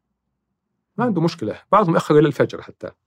لكن تعال في شوال بدأت الدراسة. صح. تطلع. مشاكل. فأنت ممكن تاخر نومك لكن ما يمكن تقدم. فلازم يكون نظام التغيير مع عقارب الساعة ولا بدون عقارب الساعة. بعدين يتفق مع الموظفين على أفضل ما يناسبهم. يعني هو الأفضل إنه ما تكون كل يومين تغير لأنها صعب يعني يا تكون قصيرة يا تكون طويلة شوي ما تكون يعني في النص. قصيره الواحد يتأقلم بسرعة وتعطيه هذا أو إنها تكون ثلاث أسابيع أو تكون يوم يومين وتغير بسرعة. ما تخليها فترة في النص تكون معلقة. ويبدأ الشخص يحاول إنه يعدل من نومه في التأخير قبل بداية الشفت ال- القادم بيوم يومين يحاول يبدأ يعدل فيه. أيضا اللي يشتغلون شفتات مهم يعطونهم اللي يسمونها رفوة الطاقة أو هذا باور ناب يعني يسمحوا لهم يحصلوا على قيلولة نصف ساعة مثلا في العمل. مهم تكون اضاءه قوية جدا اذا كان العمل بالليل. أيضا مهم إنه تناول المنبهات زي القهوة في بداية الشفت وليس في نهايته عشان يقدر يروح ينام. مهم لهم إنه لما يروح البيت يحاول يخلق بيئة الليل إذا كان شفته بالليل وبينام بالنهار. من ناحية مو فقط الإضاءة من ناحية الإزعاج تخلص من الالتزامات الاجتماعية والعائلية يشوف أحد مثلا بيودي أولاده يجيب كذا كذا صعب إنه إذا طبعا هي صعبة في النهاية لكنها في أعمال متعبة بهذا الشكل. الأطباء مثلا اللي يناوبون مثلا يناوب عنده دوام اليوم الآخر يعني قد يحتاج إنه في ساعات العمل يسمح له بأخذ يعني قيلولة.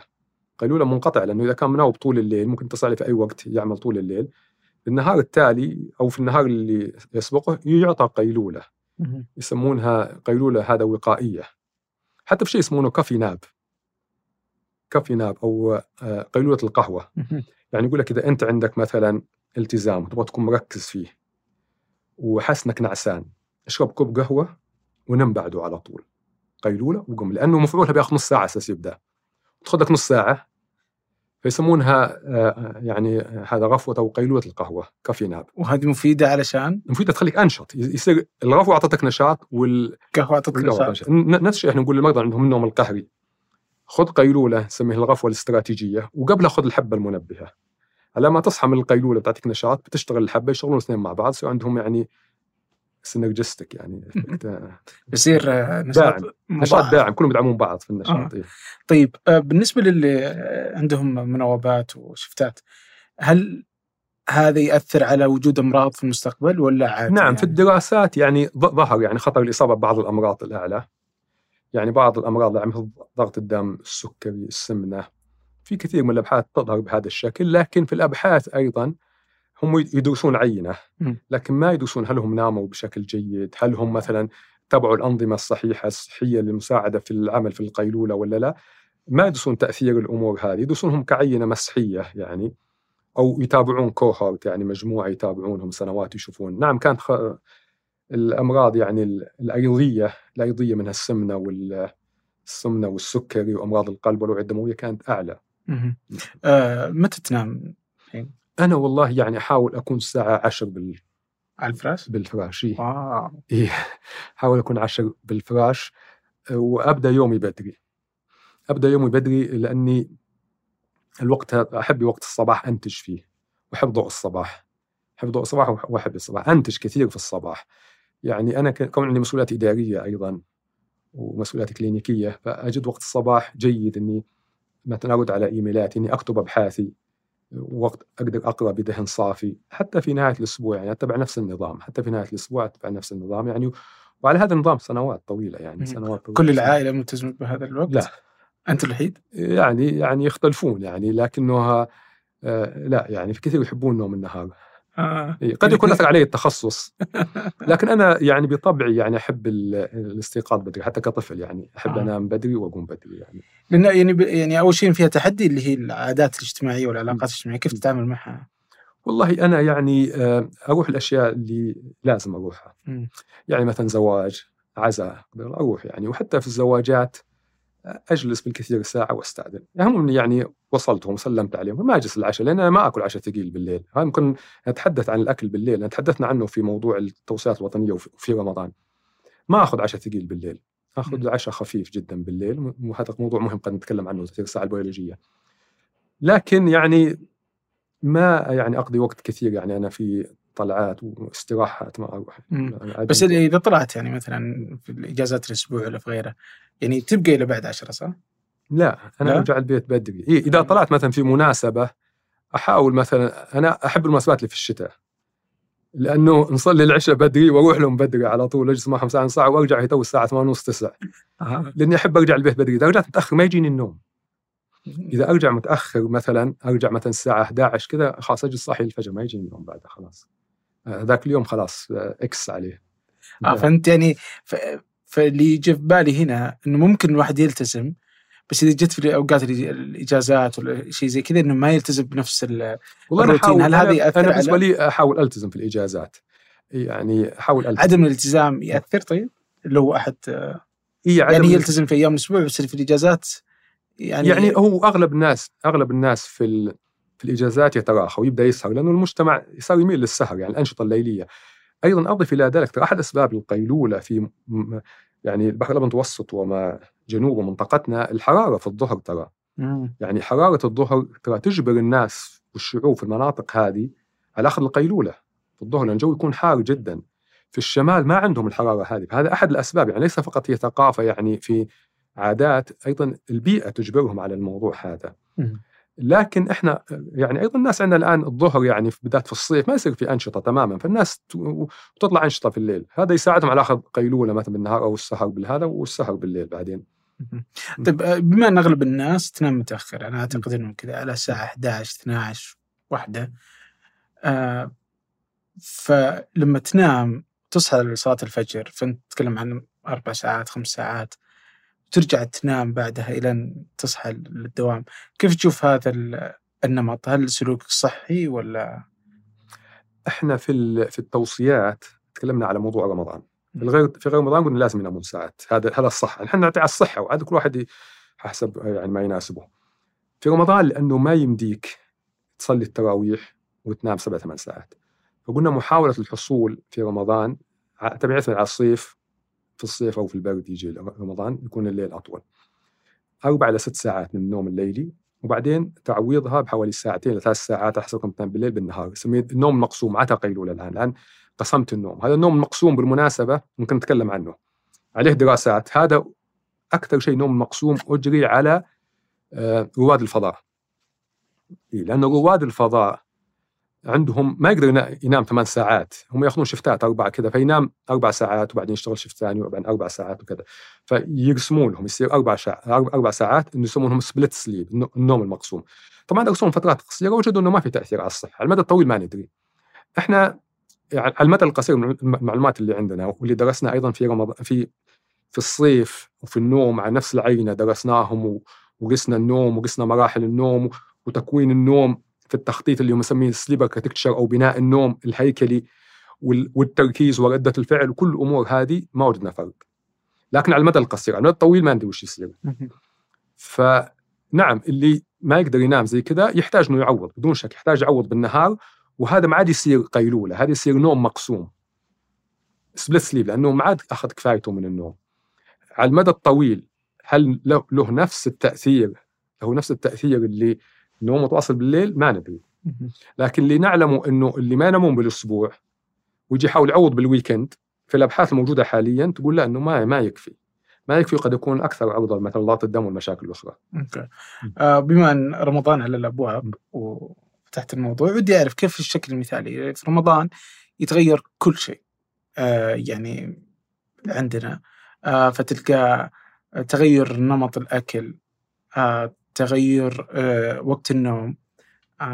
يعني في ناس يعني فتتسحر وتاك وتنام بعدها والسحور يكون ثقيل لأنك أنت وراك يوم طويل. بالضبط. فكيف الشكل اللي يصير؟ وش أثر رمضان علينا؟ وكيف ممكن نتعامل مع الأكل؟ طبعا ممكن في البداية لو سمحت بس بقول إنه إحنا لما أتكلم على رمضان أتكلم من 25 سنة من العمل على هذا الموضوع من البحث العلمي. يعني ما أتكلم أنا من توصيات منظر ولا يعني هذا حكيم. يعني ماني حكيم أنا بس أتكلم من بحث علمي. إحنا أكثر ناس في العالم اشتغلنا على رمضان والنوم في العالم جامعه الملك سعود وجامعه الملك سعود ثاني جامعة في العالم على الصحه ورمضان ابحاث الصحه ورمضان اللي من ضمنها النوم ف... من الأولى؟ أه؟ من الأولى؟ الأولى كانت والله جامعة منطقة هنا بس ما أدري كم لأنه أغلب أبحاثنا على رمضان فهم يعني في ناس يشتغلون على السكري كثير فعلى السكري آه، أنا ما شغلي عندي شغل على السكري بس قليل أشتغل على السكري وعلى الكبد وعلى بس أغلب شغلي على النوم وجدنا في رمضان وأتكلم لما بدأنا عام 99 وجدنا يعني 1419 وجدنا إنه الناس تأخر نومها من أول ليلة في رمضان ثلاث ساعات. أيام كانت ال- النشاط الليلي أقل والناس تقفل بالليل. وكان في طلبة وكان في مدارس ذاك الوقت يأخرون نومهم ويأخرون استيقاظهم. وبعدين ينامون تقريبا نفس الساعات اليوم لكن آه صار سدن شفت تغير ملاحظ. وش خلانا نبدأ الفكرة هذه بالمناسبة. كثير من الناس في العرف يقول لك إنه والله أنا رمضان نعسان. حتى لو تشوف الكاريكاتيرات أنا مجمعها كثير يعني للأساتذة حتى من أيام الخريجي ولا الخنيفر ولا بعضهم بعضهم الشباب كلهم اللي يسوون الكاريكاتيرات كلهم ترى يعلقون على هذا. أنا مجمع عن- عندي يعني من هذا على رمضان وال- والنوم بشكل كبير جدا. فصار عرف عند الناس. وحتى بعض الجهات الخارجية في الغرب صارت تقول انت صايم معناه إنك نعسان. نعسان ما نقدر نعطيك مسؤوليات. هذا بدأ بسؤال واحد. هل صيام رمضان يزيد النعاس؟ ونشرنا يمكن فوق ال 40 بحث في هذا المجال يعني. وعندنا فكرة أيضا عمل كتاب لهذا الموضوع كتاب علمي. فاولا لو تكلمنا على ال- النماذج الحيوانية على أساس نفهم بعدين. في الحيوانيه طبعا ما يصوم لكن يسمونه كالوريك ريستريكشن أو حصر السعرات الحرارية. لما تقلل السعرات الحرارية إيش يحدث للحيوان؟ اللي شبيه بالصوم لساعات معينة يزيد نشاطه. يزيد نشاطه ويزيد تركيزه. ما يصاب بالنعاس، ما ينام. وش السبب؟ السبب لأنه في في تفسير مثلا علماء الحيوان وال- والهذا بيولوجيا والاشياء هذه إنه يصير يبحث عن الطعام. وهذا وجدناه لما جبنا المتطوعين في المختبر خلناهم يصومون صوم إسلامي في رمضان وفي خارج رمضان.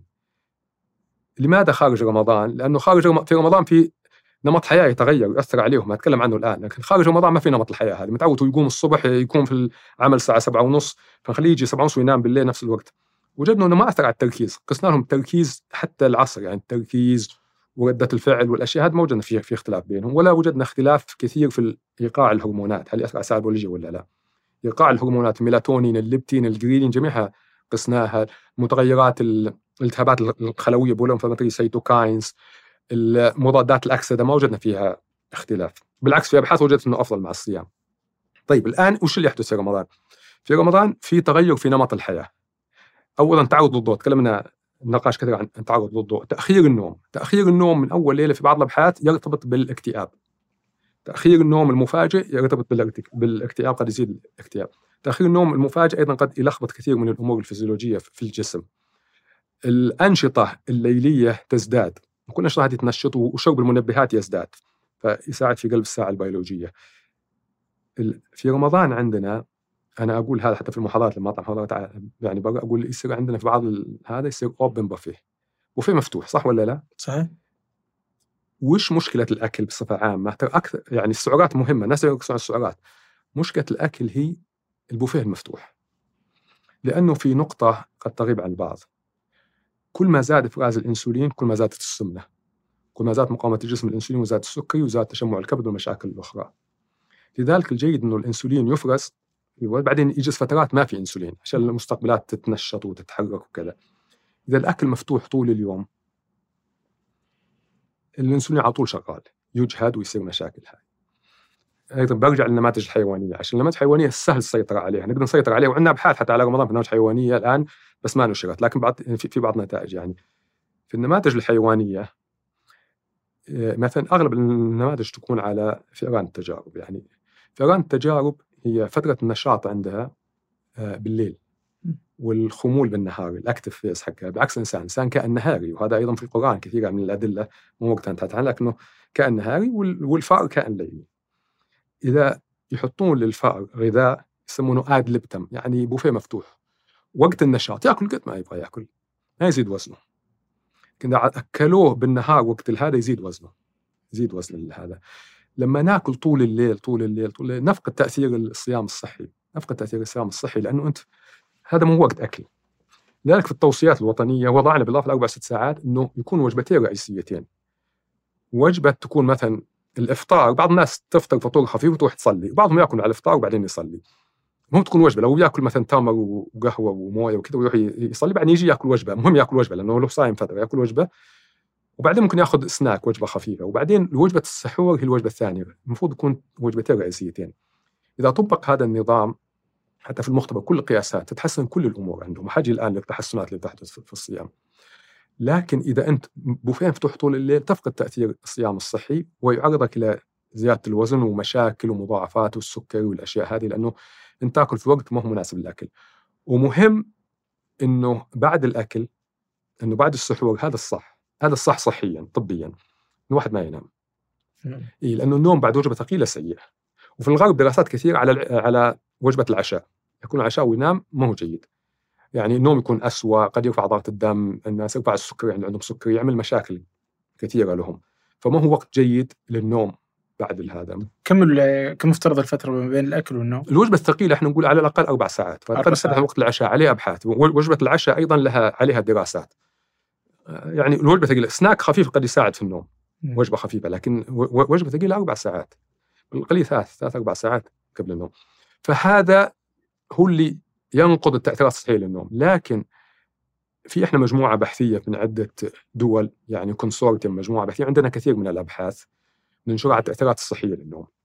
مثلا نشرنا عن الوزن نشرنا عن ضغط الدم عن ال metabolic syndrome اللي هو متلازمة الأيض عن إنزيمات الكبد التي قد تعكس تدهن وتشمع الكبد عن كثير من الأمور.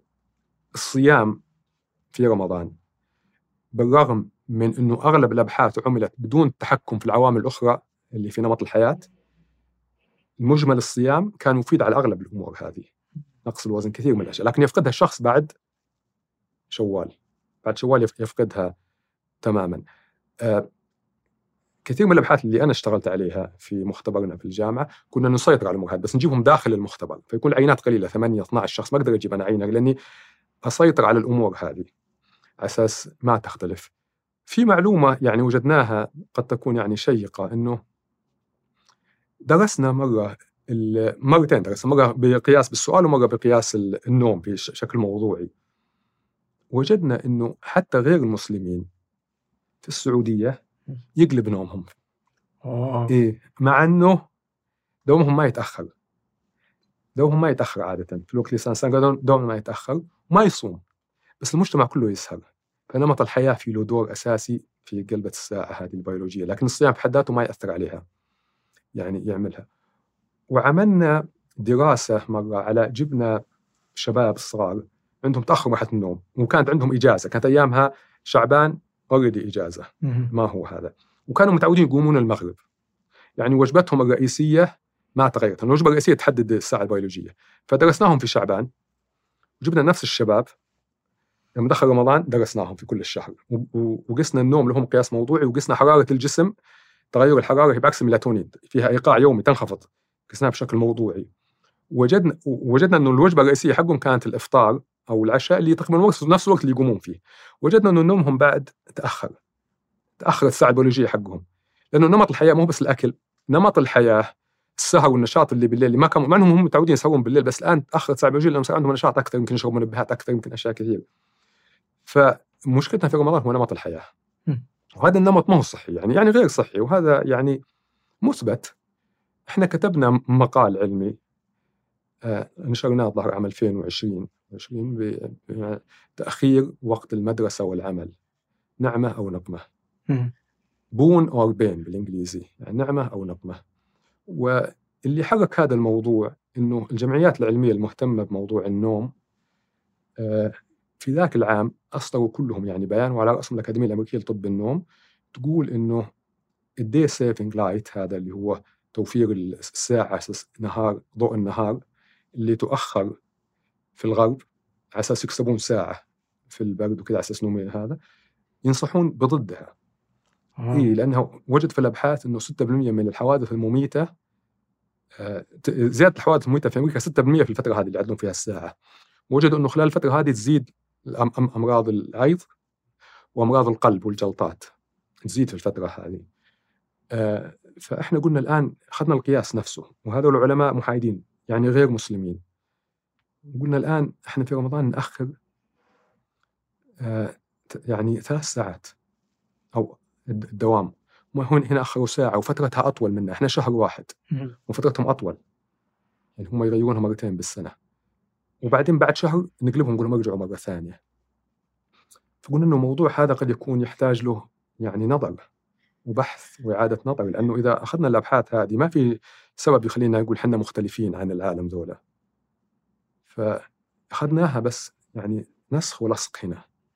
فهل هذا صحي ولا لا؟ إحنا أثرنا السؤال هذا فقط وكان مقال علمي بالإنجليزي يعني نشر مجلة علمية يعني ما نشرنا بالهذا. بس يعني دورنا إن نثير المواضيع كباحثين وأكاديميين. وهل كان في إجابة؟ لا. لا. لا. ما بس بعتقد إنك تميل إلى المفترض الدوام ما يتغير. يعني أقول إنه هذا صحي. م. قد يحتاج له دراسة. يعني أنا دائما في الأمور هذه أنا أقول إنه في أمور تنظيمية وأمنية وإدارية واقتصادية أنا غير ملم فيها. أنا أنا باحث يعني عالم ينظر للأمور بناحية علمية فقط. ما ينظر للأمور التنظيمية. هذه أمور ينظر لها أشخاص أعلم مني وأفهم مني. لكن أنا أقول هذا فيها شيء. يعني عاد المنظمين بعدين يجدون لها شيء. يعني وش الحل؟ يبقى كما هو. أنا أرى إنه الأفضل يعني مش نظري لكن ما أعرف الأمور التنظيمية والأمور الأخرى إنه يبقى الدوام كما هو ويطلع الناس من الدوام بدري. يطلع بدري ويأخذ له قيلولة يعوض الوقت اللي مثلا ما نام بالليل جيد يعوض الوقت هذا. والدوام يكون بدري أو حتى يقدم ويطلع مثلا الساعة 12 من الدوام بدل ما يطلع الساعة 3 مثلا من الدوام. يطلع الساعة 12 عنده وقت يرتاح وحتى ينهي بعدين أشياء إذا يبغون شيء لهذا أعمال أخرى وكذا. هذا من منظور. علمي مم. أكاديمي طبي ما أعرف عن الأمور الأخرى أوكي لأن حتى يعني يمكن تأخير الدوام يساعد في آه، في نمط السهر فلانك شك. أنت تدري بس لو داري. دوامك الساعة 7 يمكن بدون شك بدون. شك بدون شك يساعد نمط السهر وأيضا يعني غير صحي تأكل وجبة السحور ثقيلة وتنام ما هو صحي يعني غير صحي هذا ابدا متى تنام في رمضان؟ والله شوف في بداية الشهر احاول احافظ على نفس النظام نفس نظام نومي. بس مع نهاية الشهر يبدأ يتأخر نومي لكن أحصل على نوم بالليل. يبدأ يتأخر يعني مع الصلاة مع كذا مع كذا آه، يبدأ يتأخر. بس أحاول إني مهما كان حتى نهاية الشهر آخذ لي بعض الساعات النوم بالليل يعني على الأقل أربع ساعات مم. لكن طبعا هي العشر الأواخر يعني حالة خاصة. حالة خاصة يعني العشر الأواخر حالة خاصة الأيام اللي ما فيها عمل حالة خاصة هي إجازة مم. لكن أيام العمل يعني كثير من الناس يعاني يعاني في العمل لأنه اضطراب الساعة البيولوجية يعني الشباب يحبذون يحبذون نظام رمضان يعجبهم الشباب الصغار اللي يحب ياخرون بس الكبار يعني واحد تعدى ال 45 50 ي- يعانون ترى في في الدوام هذا ما يناسبهم. طيب الحين يجي بعد رمضان. آه وتجي أزمة شوال فالعادة أن الكل يبدأ يرتبك يومه ويختلف و آه ويبدو أنه واحدة من الأشياء اللي أنك أنت قلت أنها تجي عكس عقارب الساعة فكيف الشكل آه، المثالي للتعامل مع ضبط آه النوم بعد رمضان؟ وطبعا في شوال يعني لو شبهناها يعني اللي يسافرون كثير آه، مسافات بعيدة يعرفون هالشيء يعني أنت لو تروح أمريكا الآن تتأقلم مع النظام بسرعة. لكن لو يكون مبتعث ويجي من أمريكا يرجع السعودية ياخذ وقت لما يتأقلم. فدخول رمضان زي السفر غربا إنك تاخر وقت نومك. شوال زي إنك تسافر من الغرب للشرق تقدم نومك أصعب الآن. آه، حقيقة يعني ما في حل سحري وعصا سحرية. كل ما كان الواحد أصغر بالسن لا- الأطفال يتأقلمون أسرع. المراهقين يجدون صعوبة لانهم هم جسمهم يحب هالنظام وتقول الآن قدم ما يستطيع. لكن المفروض الاستعداد يبدأ له قبل يعني ما تنتهي الإجازة بأسبوع يمكن الحين يصير الإجازة أسبوعين. إجازة بعد العيد. فالأسبوع الأخير هذا يبدأ التأقلم معه. ما يمكن تجي ليلة ال- الدوام أو المدارس ويقول أنا بعدل النوم أغلبهم يروحون مواصلين. فلا بد من هذا. وال- والعامل الأساسي اللي هو الضوء. نرجع لموضوع الضوء. يعني الأطفال مثلا يحاولون يبدون يقدموا لهم في استيقاظهم شوي شوي يطلعونهم نشاط خارجي برا يتعرضون لأشياء ما يجلسون بس بالبيت. في المساء يبعدون عن الأجهزة اللوحية والألعاب هذه الصبح يلعبوا فيها ما في مشكلة. قللوا منها. في المساء قلل المنبهات الصباح انت نعسان خذ منبهات. ابدأ التعود والتأقلم لأنه هو هو تقريبا يعني في العرف الطبي الإنسان يستطيع تعديل ال- ال time zone ساعة باليوم. يعني إذا. أنت انتقلت مثلا إلى اختلاف ثمان ساعات قد تحتاج ثمانية أيام عشان تعدل. وفي ناس ما عندهم مشكلة يعدل بسرعة من أول يوم يضبط معهم لكن الناس اللي عندهم صعوبة عادة ساعة باليوم. فحط بالك إنه ساعة باليوم. فانت كم أخرت ساعة برمضان؟ يمكن يبغى لك يعني كل يوم تعدل يلا تعدل ساعة. قد يكون بالكثير ساعتين. فما تتوقع إنك تعدله من ليلة واحدة. أغلب الناس ما يستطيع. طيب نجي الحين ودي أعرف اضطرابات النوم. وش أكثر اضطرابات النوم الشيوعا عندنا؟ طبعا اضطرابات النوم هي في لها تصنيف عالمي. م. وتخصص طب النوم يعني ظهر يمكن بداية الثمانينات. بشكل أول كان يهتمون أو حديث جدا. حديث. أول كانوا يهتمون بالنوم من ناحية علمية بحثية بس كطب كطب كأطباء يعني. في الثمانينات يمكن بدأ الاهتمام فيه ودخل عليه أطباء الصدر بشكل أكبر لأنه صار أكبر مشكلة هي انقطاع التنفس أثناء النوم. فدخلوا أطباء الصدر بالذات في أمريكا الشمالية بشكل أكبر يعني. عليه. في السابق كان الأعصاب والنفسية أطباء الأعصاب والاطباء النفسية هم اللي أكثر بعدين صار أطباء الصدر هم اللي يعني مهيمنين على الموضوع. أول تصنيف عالمي ظهر عام 1990 بعدين ظهر تصنيف عام 2005 والتصنيف الأخير ظهر عام 2014 التصنيف يعني يمكن يضم حوالي 100 اضطراب كل اضطراب له شروطه التشخيصية تحت تحت سبع مجموعات كبيرة يعني اضطرابات النوم الأرق اضطرابات التنفس أثناء النوم نحاول نذكر السبعة الآن اضطرابات التنفس أثناء النوم آه، فرط النعاس وزيادة النعاس اللي له ارتباط بال بالجهاز العصبي زي مثلا النوم القهري اضطرابات الساعة البيولوجية ال parasomnia وخطل النوم كلام المشي أثناء النوم زي الكوابيس زي واحد يسوي حلمه زي اللي ذكرنا عليه الأكل هذا اللي يحدث بهذا الشكل. نعم. الحركات التي تحدث خلال النوم الحركات. قد. يكون تشنج ليلي قد يكون شيء يجونا الحالات هذه. وبعدين اضطرابات النوم الأخرى اللي ما حصلوا لها شيء. زي الأنين أثناء النوم مثلا أشياء من هذه الناس تئن يصير عندهم أنين لأنه فهذه الاضطرابات. كل الاضطرابات حقيقة موجودة في المملكة والشائعه يعني في الدراسات طبعا عندنا يعني دراسات ما هو بمستوى الغرب لكن عندنا دراسات وتزيد الآن والمهتمين بالبحث العلمي في طب النوم في المملكه الآن في ازدياد الحمد لله كثير من الشباب يعني الج- الجيل الشاب يعني اللي عنده اهتمام بهذا الموضوع يعني لو أخذنا مثلا قطاع التنفس أثناء النوم يعني أكبر المشاكل شيوعا إحنا زي الغرب تقريبا في الشيوع. يعني يعني حوالي مثلا يمكن 10% في متوسط العمر من الرجال 4% من السيدات. آه، في السيدات قد يكون أعلى من الغرب لأنه السمنة في السيدات عندنا متوسط العمر أعلى من الغرب. وهذا وجدناه. لكن الآن بدأ الوعي أيضا يزداد في موضوع ال- السمنة عند السيدات. لكن السمنة بصفة عامة مشكلة شائعة في المجتمع. يعني أنا أقول للطلاب لما ادرسهم أو الأطباء أنا لما كنت طالب في الابتدائي مثلا المتوسط آه، يعني ما كان عندنا أحد سمين يعني في المدرسة يعني ما في ولا واحد سمين الآن تروح مثلا أحد يروح يجيب أولاده ويجيب أخوانه أو شيء شوف يعني كثير من الأولاد الصغار هذا يجري طول اليوم يعني شلون يعني سمين يعني ما يجون قاعدين على الجوالات وعلى كذا ويأكلون من ال- الأكل الغير صحي. هذه مثلا شائعة مثلا جدا هي أكثر مشكلة. مشكلة الأرق شائعة مثلنا مثل الغرب. يعني في في دراسة مثلا على آه، مراجع العيادات الأولية وجدنا إنه 70% تقريبا منهم يعانون من من الأرق. آه، لو أخذنا مثلا اضطرابات أخرى مثلا النو- النوم القهري لأنه النوم القهري هو مرض نادر و وش النوم؟ النوم القهري هذا مرض مناعي نعم. مثله مثل السكري النوع الأول. أجسام مضادة تهاجم مركز في المخ يسمى مركز تحت الوطاء ال hypothalamus خلايا تفرز ناقل عصبي يسبب اليقظة اسمه ال orexin زي ما تهاجم ال- الأجسام المضادة خلايا ال beta cells في البنكرياس وتسبب السكري من الأول الأطفال. عادة يصيب المراهقين سن 20 15 ل 20 لكن ممكن يصير في الأطفال ممكن يصير في الكبار أيضا. مرض مناعي ما هو معروف السبب إلى الآن يعني ليش يتهيج الجهاز المناعي قد يكون لعدة أسباب بيئية أو يعني في البيئة أو شيء ما ندري أو مرض فيروسي أو شيء من هالقبيل. تجيهم نوبات من النوم لا يمكن مقاومتها. تجيه النوبة لا يمكن مقاومتها. لو جالس الآن في لقاء. بينام. هذا أحد الاضطراب الشيء الآخر شلل اليقظة عندهم. النسبة منهم حوالي 60% يصير عندهم شلل اليقظة. إذا أي موقف عاطفي بداية الضحك ينشل. قد ينشل شلل كامل يعني ماسك مثلا كوب مثلا اليد تطيح رأسه يطيح في الشكل العينين تنزل الجفون كلامه يصير بطيء أو قد يسقط سقوط كامل على الأرض. وعندما مرضى يجي ويطيح بالعيادة ويكون واعي وعي تام لكنه مشلول. والجاثوم يكون شائع عندهم يسمونه الجاثوم. الجاثوم طبعا حميد اللي يصحى من النوم هو مشلول. مم. يصير عندهم شكل كبير هذا أيضا تقطع في النوم بالليل ونسبة كبيرة منهم يصير عندهم زيادة في الوزن. بدا يزيد وزنه مع إنه يأكل نفس الأكل اللي كان يأكله في السابق. وهذا أيضا عندنا يعني فيها مباحث كثيرة يعني في هذا الموضوع. ليش شلل ال- اليقظة والجاثوم؟ لأنه هذا الناقل العصبي الاوروكسين يعمل استقرار للنوم. يخلي ال- ال- الناقل بين اليقظة والنوم مستقرة ويهيج نواقل عصبية أخرى تسبب اليقظة ويخلي الدخول الانتقال من مرحله الأحلام لمراحل النوم الأخرى أو من الأحلام لليقظة سلس. في الأحلام الجسم ينشل. أساس الواحد ما يقوم يسوي حلم. في اضطرابات زي اضطراب الأحلام السلوكي الواحد يقوم يسوي الحلم. هذا غير مشي اثناء النوم.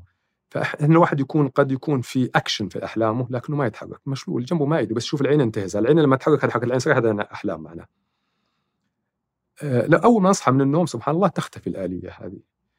آه، هم يصحى من النوم وتبقى الآلية تشلف يصير عنده الجاثوم مم. وأحيانا مع أي اضطراب عاطفي لأنه المنطقة المسؤولة عن ال- الناقل العصبي هذا مسؤول أيضا عن الأكل ومسؤول عن العواطف فيصير فيها خلط إذا اختفى هذا. فتدخل الأحلام على اليقظة يدخل من الأحلام من تأثيرها الشلل شلل اليقظة. ما يدخل النوم كامل يدخل بس الشلل. أي تفاعل عاطفي أحيانا الغضب الموقف محرج لكن أكثرهم الضحك. يدخل الش- الش- شلل فيسبب لهم إحراج كبير أحيانا. بعض الطلبة يعني يعني أغلبهم يتعاطف زملائه معه لكن بعضهم يحاول زملائه يضحكونه على أساس إنه يصير معه الموقف هذا. آه. لكن أغلب الطلبة حقيقة يعني الحمد لله إحنا في مجتمع يعني طيب يعني يتعاطفون مع زملائهم لكن قد تصل بعضهم يحرج يقول لك أنا أضحك مع زملائي بالذات الأطفال. يقول لك أضحك معهم بعدين صفة ينعزل وينطوي. ينطوي بعدين. هذا هو مرض النوم النوم القهري. هذا عندنا نتوقع حوالي 40 في كل مئة ألف. يعني قلنا مثلا السعودية مثلا 30 35 مليون أنا أتكلم على آلاف بضع الآلاف 12000 أو شيء من هذا القبيل ولها علاج؟ لها علاج. نجي موضوع العلاج. العلاج في عندنا مشكلة في العلاج. مشكلة العلاج إنه طبعا في لها أدوية مقررة من زمان يعني. مشكلة الأدوية إنها ما تتوفر بشكل سهل في المملكة. إيه. لأنها ما عندها تصنيف من هيئة الدواء والغذاء، الهيئه العامة للدواء والغذاء، لأنه هذه تسمى أدوية يتيمة. يتيمة في أدوية يتيمة يعني مستخدمينها قليلين، مم. ففي أغلب الدول يصير فيها تسهيلات في الدخول وفي هذا.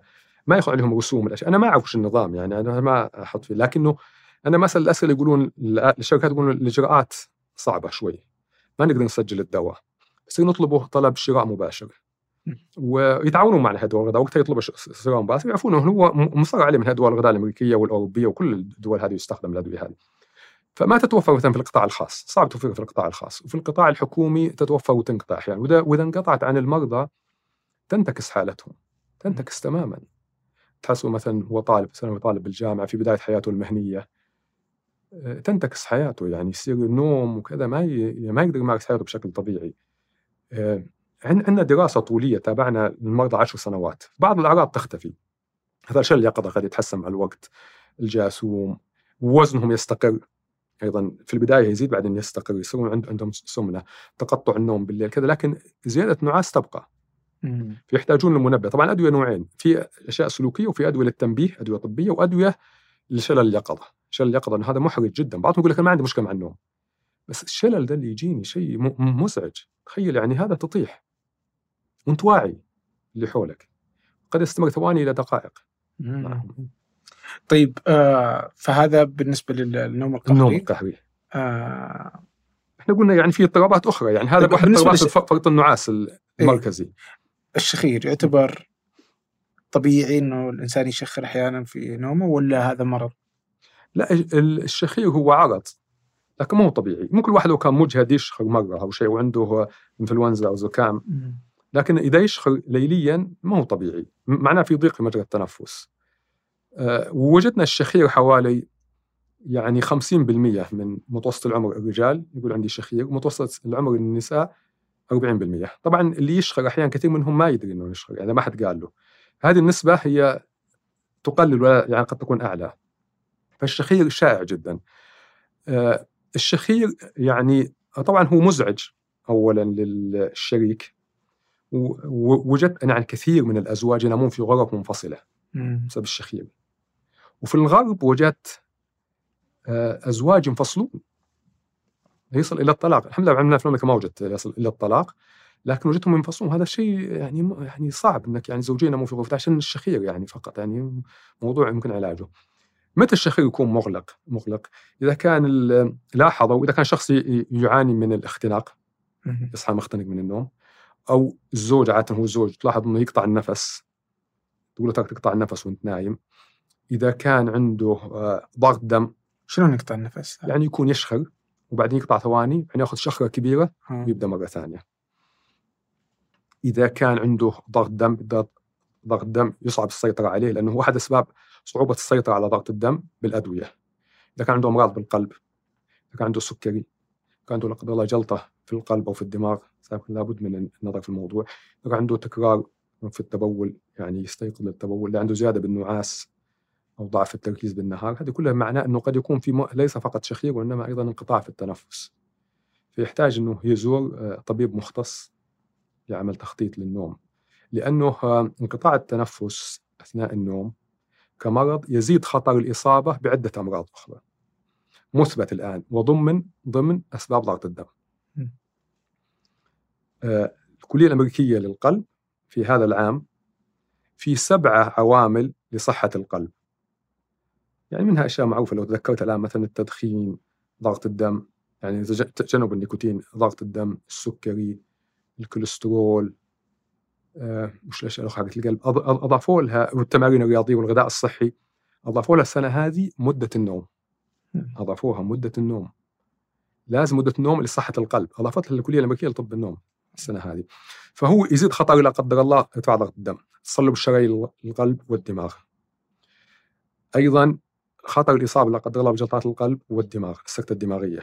طبعا نقول خطر الإصابة ما يعني كل واحد عنده هالمشكلة تجيه؟ بس ممكن؟ يعني لو قلنا المدخنين خطر الإصابة بالقضاء بسرطان الرئه ما يعني كل من دخن بتجيها المشكلة؟ بس تزيد احتمالية. يزيد الاحتمال. خذنا 100000 هنا و100000 هنا اللي يجيهم هنا أعلى يجيهم المدخنين. أيضا ضعف التركيز ضعف الذاكرة الاكتئاب الضعف الجنسي. نسبة كثير من عندهم ضعف جنسي ويروح يعالج وكذا كذا كذا. قد يكون المشكلة في الأساس انقطاع التنفس ويلاحظها المرضى على طول يعني الشيء هذا. زيادة الالتهاب المؤشرات الالتهابية الخلوية اللي اسمها السيتوكاينز ارتفاعها في الدم. أيضا الدراسات الحديثة ربطت بينها وبين وبين الخرف زيادة الخرف والدراسات الحديثة أيضا تربط بين انقطاع التنفس وزياده خطر الاصابه ببعض الأورام الخبيثة. إيه؟ فهناك مؤشرات إنه يعني هذه تزيد من خطر الأمور هذه فاذا يعني يحتاج إنه تعالج بس تقلل الأبحاث الحديثة تقلل من كثير من المضاعفات هذه تقلل بمشيئه الله. طيب لما نقول الجاثوم وش هو الجاثوم علميا؟ وش اللي يحصل في هو شلل النوم شلل النوم. يكون الشخص في مرحله الأحلام. لما يكون مرحله الأحلام يكون مشلول. هذا حتى لما نقيس العضلات تكون مشلولة. ما عدا الحجاب الحاجز والعينين. العينين تهز والحجاب الحاجز. طبعا فتحات الجسم تكون مقفله آه، أول ما يصحى الشخص من الحلم ينتهي الشلل هذا. آه، الجاثوم يستمر الشلل. فيحس الشخص بانه ما يستطيع الحركه ولأنه كان في حلم قد يتهيأ له بعض الأمور إنه أحد جاثم على صدره. حتى الخواجات في رسوماتهم يحطون جني يرسمون جني على هذا. مرة أنا أنا عندي في الموسوعة جزء إنجليزي فكاتب عن كثير من الاضطرابات بالإنجليزي فمره ارسل لي واحد من الغرب. الحين للأسف حذفت ايميله ما أو إنه ضاع مني. يوصف لي نفس القضية اللي توصف عندنا إنه جني دخل جلس على صدره كذا وإنه بدأ يتلو بعض الأشياء من الإنجيل. وكذا وإنها إنه بعدين راح الجني هذا. يعني نفسه في الثقافة حتى في رسوماتهم يرسمون جني كذا يخنق واحد يعني. فجت منها كلمة الجاسوم يبدو لي يعني هذا أساس الكلمة. لكن كل اللي يحصل إنك أنت تصحى وانت لا تزال هذا تفسيرنا العلمي. أنا حتى أقول بعض الناس يزعل مني وبعض في تويتر يزعل مني. أنا كطبيب وكباحث أكاديمي وباحث تطبيقي هذا تفسيري للأمر وهذا تفسير العلمي وهذا المعروف حتى كتب عنه مثلا لما كتبنا كتب عنه بعض العلماء المسلمين السابقين ومعروف إنه مثلا لو أنت أجهدت نفسك قبل النوم قد يزيد لو أكلت وجبة ثقيله قد يزيد هذا. هذا تفسيرنا العلمي. بعضهم يقول وش دراك إنه ما في جني؟ والله أنا ما أقيس الجن قد يكون في جني أنا ما أدري بس هذا اللي هذا هذا اللي عندي. وأعرف إنه واذا قلنا الأحلام تختفي. يعني مثلا اللي عندهم النوم القهري نعطيهم أدوية تقلل من شلل اليقظه ومن الجاثوم انها تقلل مرحلة الأحلام. فلما تقلل مرحلة الأحلام نقلل من الأعراض هذه. أوكي. وهل الإنسان عادي إنه ما يحلم؟ لا كل الناس تحلم طبيعي لكن في ناس ما تتذكر أحلامهم. واللي ما يتذكر الأحلام اولا من يتذكر الأحلام؟ اللي يتذكر الأحلام عادة اللي عنده اهتمام بالأحلام. ففي ناس عندهم اهتمام بالأحلام أكبر. مثلا السيدات عندهم اهتمام بالأحلام أكثر من الرجال فتجدها تتذكر الحلم أكثر من الرجل. أيضا منطقتنا يهتمون بالأحلام أكثر. المنطقة يعني العربية والاسلام يهتمون بالأحلام وتأويل الأحلام وتفسيرها أكثر. فقد يتذكرون الأحلام أكثر. حتى حتى في بحث أجري في مصر وبحث أجري في في الإمارات أنا عندي اهتمام أنا في موضوع في عندي كتابات عن تفسير الأحلام وعلماء الإسلام اللي فسروا الأحلام ابن سيرين وابن خلدون من قدامة وغيرهم اللي تكلموا في هذا الموضوع. آه يعني حتى المتعلمين يهتمون بموضوع الأحلام وتفسير الأحلام، ليس يعني نقول المثل اللي أقل تعليما لا حتى المتعلمين عندهم اهتمام في في هذا الموضوع. فاللي عنده اهتمام يتذكر الحلم أكثر. اللي نومه متقطع في الحلم لسبب مختلف يعني قد يكون عنده مثلا قطاع تنفس ولا كذا يتذكر الحلم أكثر وقد يكون عنده كوابيس لأنه إحنا وجدنا في الأبحاث إنه عندهم تقطع تنفس في الأحلام فقط يصير عندهم أحيانا كوابيس ومع علاجها قد قد يختفي. أيضا اللي يوقظ من الحلم قد يتذكر حلمه واللي يصحى من مرحلة ما هي حلم قد ما يتذكر إنه كان لأنه إذا عدى الحلم هو ما ما قام قد ما يتذكر الحلم يعني. وأيضا زي ما تذكرنا في بداية الحلقة إنه وجدنا من يتذكر الحلم أيضا قد يكون جينات معينة. في ناس جيناتهم يتذكر الحلم بشكل أكبر. آه في ناس ما تهتم بالأحلام ما تعطيها وزن فما تتذكر الأحلام عادة. لكن هي مرحلة أساسية وكل إنسان نوم ونوم صحي يمر بالمرحلة هذه. طيب آه، هل عرفنا من وين تجي الأحلام؟ وش طبيعتها يعني؟ آه، محتوى الأحلام هو في نهاية الأمر يعني يعكس الواقع اللي نعيشه. الواقع اللي نعيشه يعني شيء مر علينا وكان في ذهننا سواء القينا له بال أو لم نلقي له بال. هو قد يظهر بالحلم عندنا. فلو واحد حلل الحلم يجد إنه شيء مر عليه. أغلب الأحيان يكون شيء يعني يتعرض له بشكل مختلف. بشكل مختلف. طبعا محتوى الأحلام يختلف على حسب الأشخاص. مثلا الأطفال قد يغلب عليه الحيوانات والألوان والأشياء. السيدات ال- ال- الحوار اللفظي في ديالوج يعني. الرجال قد يكون أكشن أحيانا اختلاف حدة. قد يكون أحيانا يعني حتى يعني نزاع وهذا. في الرجال لأنه اللي عندهم مثلا اضطراب الأحلام السلوكي بعضهم كثير منه يضرب في الحلم. إحنا نصوره أحيانا يضرب زوجته. نتكلم عن اضطراب الحلم الأحلام السلوكي هذا قد نتكلم عنه. طبعا مرض نادر لكنه موجود. آه الإنسان الكفيف مثلا إذا كان صار كفيف وهو مثلا بعد سن مثلا ست سنوات عشر سنوات كذا قد يتذكر صور فيحلم فيها. إذا هو كفيف قبل السن هذا يغلب عليه الأحاسيس الأخرى. مم. حاسيس مثل الحديث السمع الشم اللمس أشياء من هذا لكن الجميع يحلم. وش هو اضطراب الحلم؟ هذا اضطراب آه، ما يحدث فيه الشلل بعكس الجاثوم. الجاثوم يحدث فيه الشلل هذا ما يحدث فيه الشلل. آه. فيقوم الشخص ويسوي الحلم. آه، طبعا قد تكون حركة عنيفة وقد تكون حركة داخل السرير خفيفة. هذا الاضطراب عادة بعكس الجاثوم الجاثوم إذا كان معزول لوحده زيادة نعاس اضطراب حميد. هذا عادة ما يكون حميد. آه، أغلب الحالات تكون مصحوبة بأمراض عصبية تنكسية مثل مرض الشلل الرعاش ال Parkinson disease أو غيره من الأمراض العصبية التنكسية. وقد يسبق ظهور الأمراض العصبية التنكسية بعشر سنوات أو أكثر. وقد يكون معزول يعني هو بس ظهر وما له شيء آخر. يعني عادة يظهر في ناس فوق الخمسين سنة عادة ما يظهر. لما يظهر في الشباب وقد يظهر في الشباب. في نقطتين أساسية يحتاج نشوفها. كثير من الأدوية النفسية مضادات الاكتئاب أو ال mood stabilizer هذه هذه قد تهيج ظهورها. والمرضى المصابين بالنوم القهري اللي تحدثنا عنه قد تظهر عندهم هذا هذا الاضطراب. فهو اضطراب إذا كان موجود هو يختلف عن المشي أثناء النوم. المشي أثناء النوم يحدث في النوم العميق. هو هو اضطراب حميد يحدث في الأطفال وهو اضطراب حميد. لما تقول حميد وش تقصد؟ حميد انه عاده يختفي وما له آثار طويلة الأمد على الإنسان يعني لا نفسيا ولا عضويا. ولا تتطلب علاج. يعني عادة ننبه على بعض ونتأكد إنه ما في شيء آخر. يعني إذا كان مثلا طفل عادة النوم العميق يكون في الثلث الأول من النوم فيكون عادة في الثلث الأول من النوم يقوم يمشي وعادة ما يكون بشكل متكرر وإذا كان مجهد يمشي ذيك الليلة. المشي أثناء النوم صعب إيقاظ الطفل من ال... لأنه في النوم العميق صعب إيقاظه والصباح ما يتذكر ويكون الصباح طبيعي ما كأنه قام ولا شيء ولا حاجة يعني إذا كان في العائلة لأن هذا فيه عامل وراثي قوي إذا كان في العائلة يمشون وكذا بس ننبههم على بعض الأمور. يعني إنه مثلا ما يكون السرير مرتفع ما يكون في أشياء حادة في الغرفة يكون مثلا باب الغرفة مثلا مقفول معناته يحطوا له مفتاح لو قام يعرف وين يطلع وكذا عشان ما يطلع. لو كان في شباك يفتح يكون عليه حديد جريل خارجي يعني ممكن يادي نفسه طبعا. لكنه كاضطراب في الطفل على المدى الطويل حميد مشيئة الله يعني. ونتأكد إنه ما لأنه قد يهيج هذا الاضطراب أشياء أخرى. مثلا الشخير قد يكون عند الأطفال الشخير والاختناق لو وجدنا احتمال شخير أو اختناق انقطاع تنفس أثناء النوم لازم يعالج لأنه يساعد من ظهور هذه الاضطرابات خطل النوم لازم تعالج. لكن إذا وجدنا إنه كل امور طيبة ما في داعي. الاضطراب الأحلام مختلف. سهل إيقاظ المريض وعادة يحدث أكثر في الثلث الأخير من النوم. إيقاظ المريض سهل وإذا ايقظت المريض أتذكر إنه كان في حلم. تذكر الحلم بالضبط. لو كنت في حلم كذا كذا. طيب واللي يتكلم وهو نايم الكلام أثناء النوم هذا اضطراب مختلف. هذا قد يعني يكون اضطراب منعزل يعني وقد يحدث في أي مرحلة في أي مرحلة من مراحل النوم ويكون في كثير من الأحيان حميد وصعب علاجه وقد يصاحب اضطرابات أخرى زي المشي أثناء النوم زي مثلا اضطراب الأحلام السلوكي قد يصاحبها هذا. فإذا عالجنا المشكلة هذه يختفي وقد يكون ما له سبب يعني ويحدث في أي مرحلة.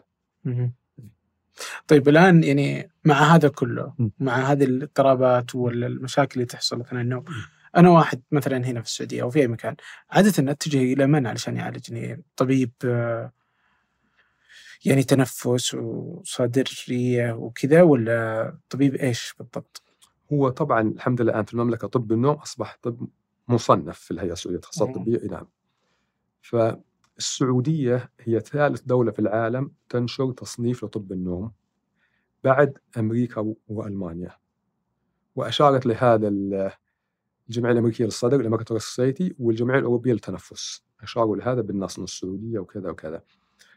آه التصنيف آه ظهر في عام 2011 ونشر يعني في مجلة على أساس يطلع العالم في في 2012 تقريبا. فصار الطبيب الممارس يصنف من الهيئة. هذا طبيب طب النوم. آه، طب النوم آه، يعني السعودية رائدة في في التخصص حقيقي. يعني ممكن أذكر بعض الأمور اللي فيها ريادة وبعدين أرجع للموضوع هذا. مثلا طب النوم صنف في السعودية عام 2012 إحنا سبقنا كثير من الدول سبقنا كل دول آسيوية. ما فيها اليابان كوريا الصين الهند.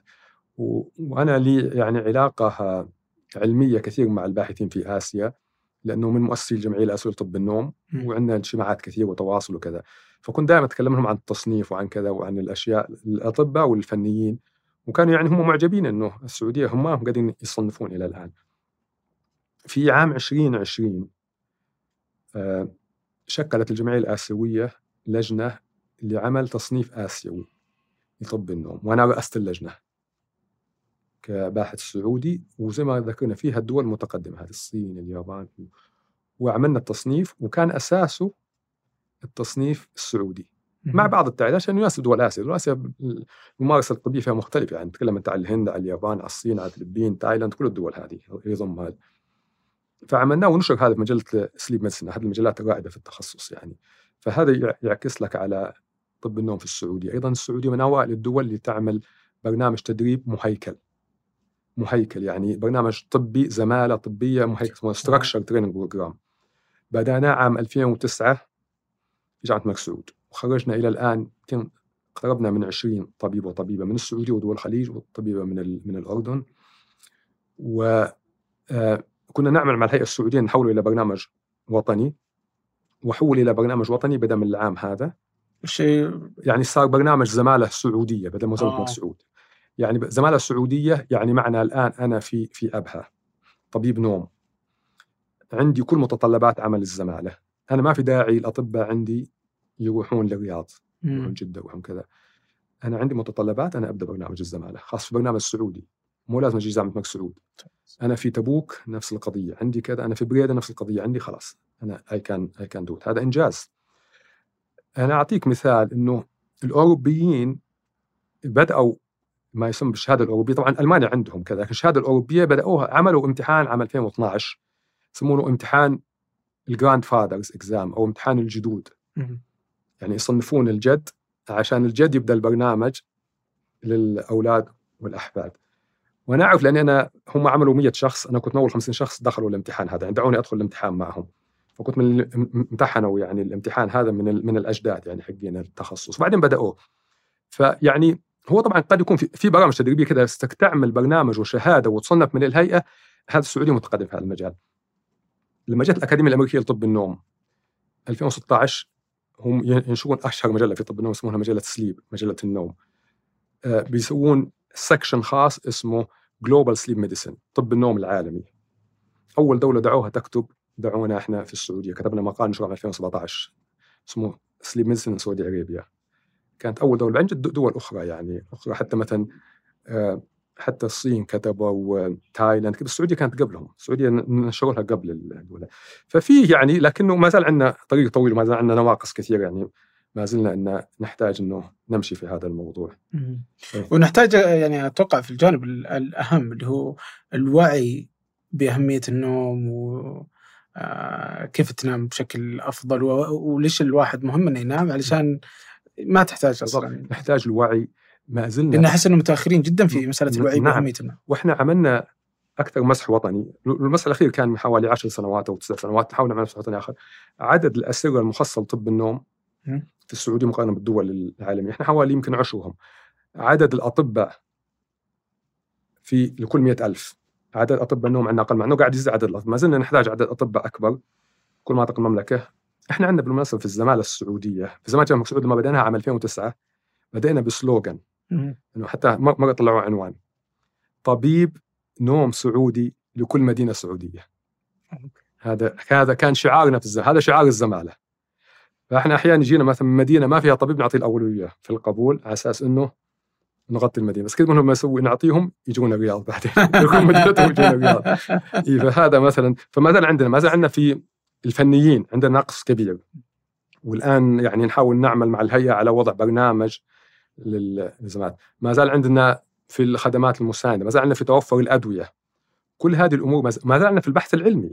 على أننا ننشر أبحاث كثير ما زال في البحث العلمي نحتاج لأنه إحنا ممكن نجي في المنطقة يعني في عدد الأبحاث في طب النوم نجي بعد تركيا وإسرائيل وإيران. نجي بعدهم إحنا رابع.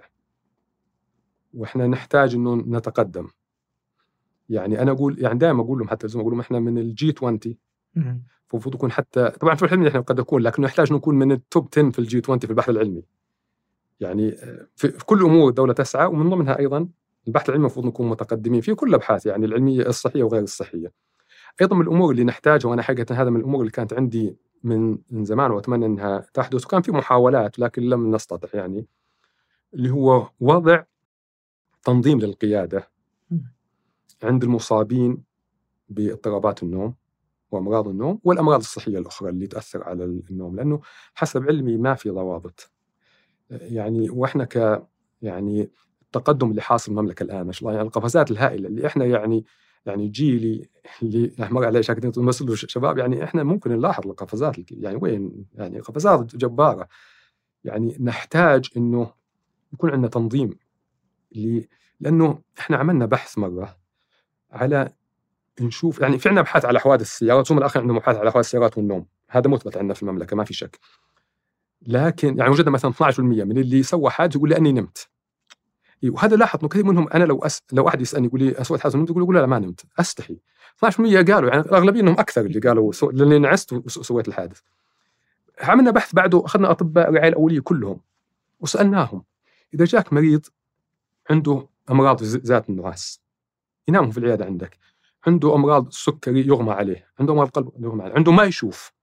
هل تعتقد إنه واجبك إنك تبلغ عنه الجهات المسؤولة؟ أو تقول لل family يبلغوا عنه قال لا. مو شغلي ولا ما هذا الجهات المسؤولة هي مسؤولة عنه. لأنه ما في نظام. صحيح. حتى أنت لو تروح الحين بتقول للمريض أنا والله ببلغ عنك ممكن يصير ردة فعله عنيفة ضدك. لأنه ما في نظام ولا في قانون. وأيضا إذا أنت بتقول له لا تسوق لازم توفر له بديل. صحيح. لأنه هل يدخل يدخل ضمن الإعاقة؟ قد يدخل ضمن الإعاقة فيحتاج عدة جهات. وضع الأنظمة هذه يحتاج عدة جهات مسؤولة. تنظر الأمور من نظرة جميع النواحي. إذا أنا بقول شخص لا تسوق معناه هل أنا يكون معاق؟ أنا ما أعرف يعني في الأنظمة أو في البلد. إذا معاق هل أنا أوفر له شيء يساعده مثلا كأجر سائق بدل ما يسوق بعياله ويروح وكذا وكذا مثلا؟ بحيث إنه يؤدي لهم العمل هذا بحيث إنه هو لأنه الحوادث المميتة أغلبها بسبب النعاس. الحوادث المميتة. هذا في أمريكا يعني في في الدول الغربيه يوثقون ويدرسون يمكن عندنا في المملكة أصلا ما عندي المعلومات هذه. يدرسون طريقة الحادث يشوفون كيف الانزلاق وكيف كذا ويعرفون إنه هذا أغلب ظنه كان نعسان. يعني مثلا انحرف ودخل بسرعة عالية هذا ما يسويها واحد صاحي. صح. هذا أغلب ظن إنه نعس. أغلب الحوادث المميتة ينعس السائق لثواني جزء من ثانية. آه. وجزء من ثانية وانتهى الموضوع. انتهى الموضوع إيه. لا لا أتفق معك. طيب آه، عودة على السؤال وين يتجه؟ نعم أنا عشان نسيت السؤال لا لا في حواشي بالعكس. إي أنا أخذني الموضوع هذا إني أبغى أقول إنه الآن طب النوم طب مصنف. بس ما في طبيب نوم. في أطباء نوم كثير سعودية الآن. في كثير أطباء نعم. عندنا إحنا مجموعة فيها أكثر من 50 طبيب يمكن. وما زلنا نحتاج أكثر لكن وين نتكلم عن أول؟ يعني إحنا بدأنا أول مركز أكاديمي عام 1418 الآن يعني وين؟ يعني قفزات جبارة يعني الحمد لله. طب النوم مهم إنه أيضا يعرفون المتابعين إنه طب النوم هو من التخصصات اللي تغذى بعدة تخصصات يعني multidisciplinary قد تجد طبيب نوم عامل باطنه عامة فقط. أغلبهم عاملين صدرية. طبيب نوم جاي من خلفية نفسية. طبيب نوم جاي من خلفية أعصاب. خلفية طب عائلة والمجتمع لكن في نهاية الأمر لابد أن يعمل زمالة طب النوم ويستوفي شروط الهيئة السعودية للتخصصات الطبية حتى يصنف كطبيب نوم. في اطباء الحمد لله عدد الاطباء السعوديين في ازدياد. ليس فقط الاطباء اللي الباطنيين اللي يعالجون القضية هذه أصبح عندنا اطباء الآن مختصين في مثلا من علاج قطاع التنفس تركيبات الأسنان. تركيبة أسنان لأنه هو مجرى البلعوم يكون ضيق فالفكرة ببساطة أنها تسحب الفك السفلي للأمام. عضلة اللسان عضلة ضخمة نشوف طرف اللسان عضلة ضخمة بهذا الحجم في الفم. مقرها كرسيها هذا كأنه جالس على الكرسي وهذا اللسان. لما أرجع جنب جدار الحلق يضيق مجرى التنفس. هم يسحبون الفك للأمام يوسعون مجرى التنفس. وهذا علاج معتمد من هيئة الدواء والغذاء الأمريكية وعليها أبحاث.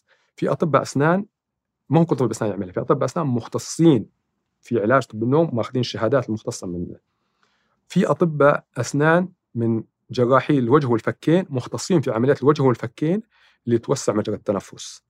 هذا أيضا في أطباء سعوديين الآن موجودين هذا تخصص أيضا نادر يعني وبدأ الآن في ما شاء الله مجموعة من الزملاء. في أطباء سعوديين الآن أيضا حيرجعون مختصين في عمليات الحلق وأيضا عاملين تخصص في جراحة النوم.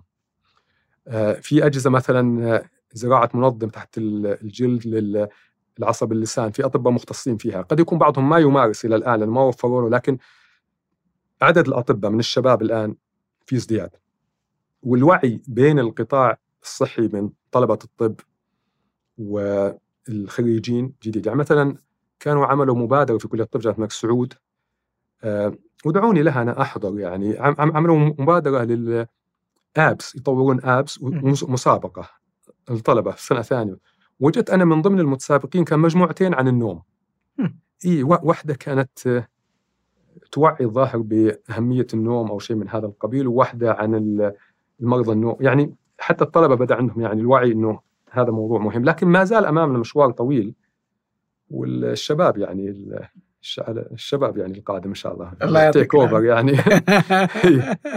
لا لا الله يعطيك العافية والله. شكرا لجيتك. الله شكرا لكل اللي جالس تسويه الله يجزاكم خير. شرفت فيكم أنا الله المتابعين. إن شاء الله تكون حلقة مفيدة. لا لا هي مفيدة. شكرا لكم. شكرا لأيمن الحمادي وعلاء الحاجي في إعداد الحلقة وهاب موسى في التصوير وجميل عبد الأحد في التحرير وعبد المجيد عطاس في التلوين وفي الهندسة الصوتية ضياء الدين مدني وإدارة التحرير أسيل با عبد الله. هذا فنجان أحد منتجات شركة ثمانية للنشر والتوزيع. ننشر كل الإنتاج بحب من مدينة الرياض. الأسبوع المقبل ألقاكم. في واحدة من السلوكيات اللي يسوونها الناس في متابعة البودكاست. هي إنه يسمع علشان ينام. يحطه كذا ك أنا أقول لهم ال ritual هذا إذا أحد عنده ritual يساعده على النوم يستمر في ممارسته في ناس من زمان كانت تسمع راديو يسمعون هذا هنا لندن. من زمان ما في إلا هنا لندن. وبعدين جت القنوات عاد المحلية السعودية وكذا يسمعونها وينام. it's fine ما في مشكلة. بعضهم يقول لك أنا أقرأ بس أنا طبعا أفضل القراءه من الكتاب على الجوال أقرأ وأنام يجيني النوم. فإذا أحد عنده ritual وعادة تساعده على النوم يستمر في تأديتها يعني أيه. كما هي. البودكاست من العادات. إلى درجة أن تطبيقات البودكاست الحين تلقى يحطوا لك خيار آه، النوم فيخليه شغال مثلا مدة 15 دقيقة بعدين يطفى. عشان ي... أيه. ف 15 دقيقة كذا وتكون نمت. أيه. ممتاز. أيه لا, ممتاز. لا, لا يعني ما في شيء ضد الموضوع. اي لا لا. طيب خليني أبغاك تقيم نومي.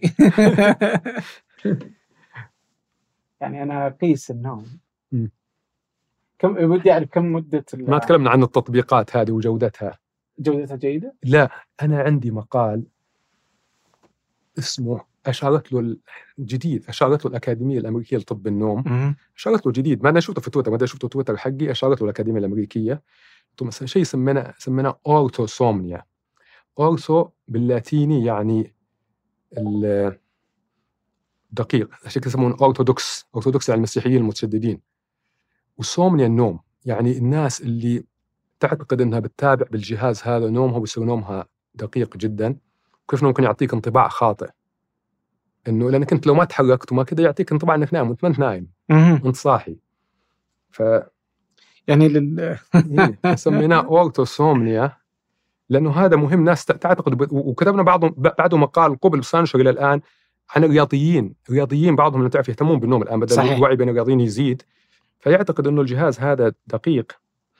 يعني كان العنوان حقها يعني بس أنا لو وجدتها بخليك تشوفها لأنه آه، الجهاز مو دقيق. على كل حال الأجهزة هذه ما هي دقيقة. وعندي بس تعطيك تصور. إيه؟ يعني على الأقل أنت تقدر تفهم النوم لا ما هو قد يعطيك آه، آه، تصور خاطئ؟ هذه هذه الأكاديمية الأمريكية هذا هذا في في فبراير. فبراير أشارت إلى مقالنا. Could the widespread practice of self monitoring مراقبة نومك of sleep using consumer sleep technology يسمونها CST lead to a sleep paradox عكس النوم. read الاديتوريال هذا اللي حقنا. وهذه المجلة أنا رئيس تحريرها أصلا. وهذا هذا المقال حقنا اللي هو هنا أشاروا له آه اللي عنوانه بالإنجليزي أنا ترجمته بالعربي بس بالعربي عنوانه الآن. عنوانه The Tale of Autosomnia يعني قصة الأوتوسومنيا. I'm so good at sleeping that I can do it with my eyes closed and my fitness tracker on me. أنا اغمض عيوني أحط الجهاز وأنا نايم حتى لو ما نمت. إيه فيعطيك انطباع خاطئ ويأخر التشخيص. يأخر كثير وقد يخدع الرياضيين. آه. إيه، قد يخدع الرياضيين بالذات الرياضيين اللي حريص إنه ينام عشان قد يعتقد إنه نايم هو ما هو نايم. يقول لك أنا أنام كويس لكن أكون تعبان وكذا كذا ما. يمكن تقدر تقيس جودة نومك إذا أنت مهتم لا الجهاز هذا موجود في, في مثلا الفت بت أفضل فت بت أفضل من هذه الأجهزة هذا ليش ال Fitbit أفضل من لأنه محقق يعني عليه دراسات. في شيء اسمه Actiwatch اللي يقيس التسارع تلبسه. باليد. هذا عليه أبحاث كثير ونستخدمه. وعليه أبحاث جيدة وعليه توصيات من الأكاديمية الأمريكية لطب النوم okay. عندي كتاب بيطلع كاتبين في أنا كاتب في فصل كامل على الأجهزة هذه كامل اسمها CT CST consumer sleep technology مراجعة لكل الأجهزة. ال Fitbit جيد. أف- أفضلهم. لكن زي تطبيقات الجوال هذه ما فعلت. يعني إلى الآن ما حققت. is not validated اي يعني في تطبيقات زي Sleep Cycle وغيره. يعني يعطيك الأحلام ويعطيك ي- كم نمت ويعطيك ترى ساعات نوم يعطيك إياها غلط. أنا أعرف أي. مثلا أحيانا أكون صاحي بس هذه هذا. السوار. ما أدري قد شفته؟ شفت السوار أي. هذا. مم. هذا أو. خاتم عفوا. إيه يحطون إيه يحطونه فيه أيضا. هذا وفي خاتم وفي تلبس هنا على الذراع. صحيح. وفي هو أتوقع يعتمد على ال technology إذا هو accelerometer اللي يقيس الحركة جيدا. حركة اليد في لها algorithm يطبقها على هذا. لكن الأجهزة اللي بعضهم يحطها وتقيس يعني لازم الجهاز يتأكد إنه عليه validation عملوا آه اي ففي إنه تحط يعملوا له- يعملوا له دراسة علمية ويتحققون against ال gold standard okay. ضد دراسة النوم الحقيقية. يشوفون هل تطابق معها ولا لا. وأيضا كثير من هذه ال trackers قد تعطيك مدة نوم بس ما يعطيك آه، مراحل النوم. طبعا الانسان طبيعي ما عنده إيه، مشكلة لا لا. خليني اوريك إيه. النوم. يعطيك مراحل النوم. يعطيك مراحل النوم. يسمونه يسمونه هذا ال hypnogram شوف هذا العريض الأحلام فوق أي فهو وهذا استيقاظ وهذا تحت النوم النوم العميق. فهذا مو هو دقيق. ليش؟ أنت لو لو تعمل له هذا ضد تخطيط النوم بيطلع غلط. مو دقيق يعني. مو دقيق. لكنه يعني هذا اللي حاطه هنا طبيعي وجميل. شو زي ما قلت أقول لك الأحلام تزيد في نهاية النوم والنوم العميق في أول النوم. آه. هذا الطبيعي. هذا الطبيعي. شوف هذا يسمونه ال hypnogram hypno يعني نوم وجرام يعني جرام تخطيط. ال hypnogram شو هذا ال REM اللي هو فوق هذا الأحلام. صحيح. وهذا ال deep تحت. هذا مراحل النوم الأخف وهذا استيقاظ فوق الخفيف. إيه.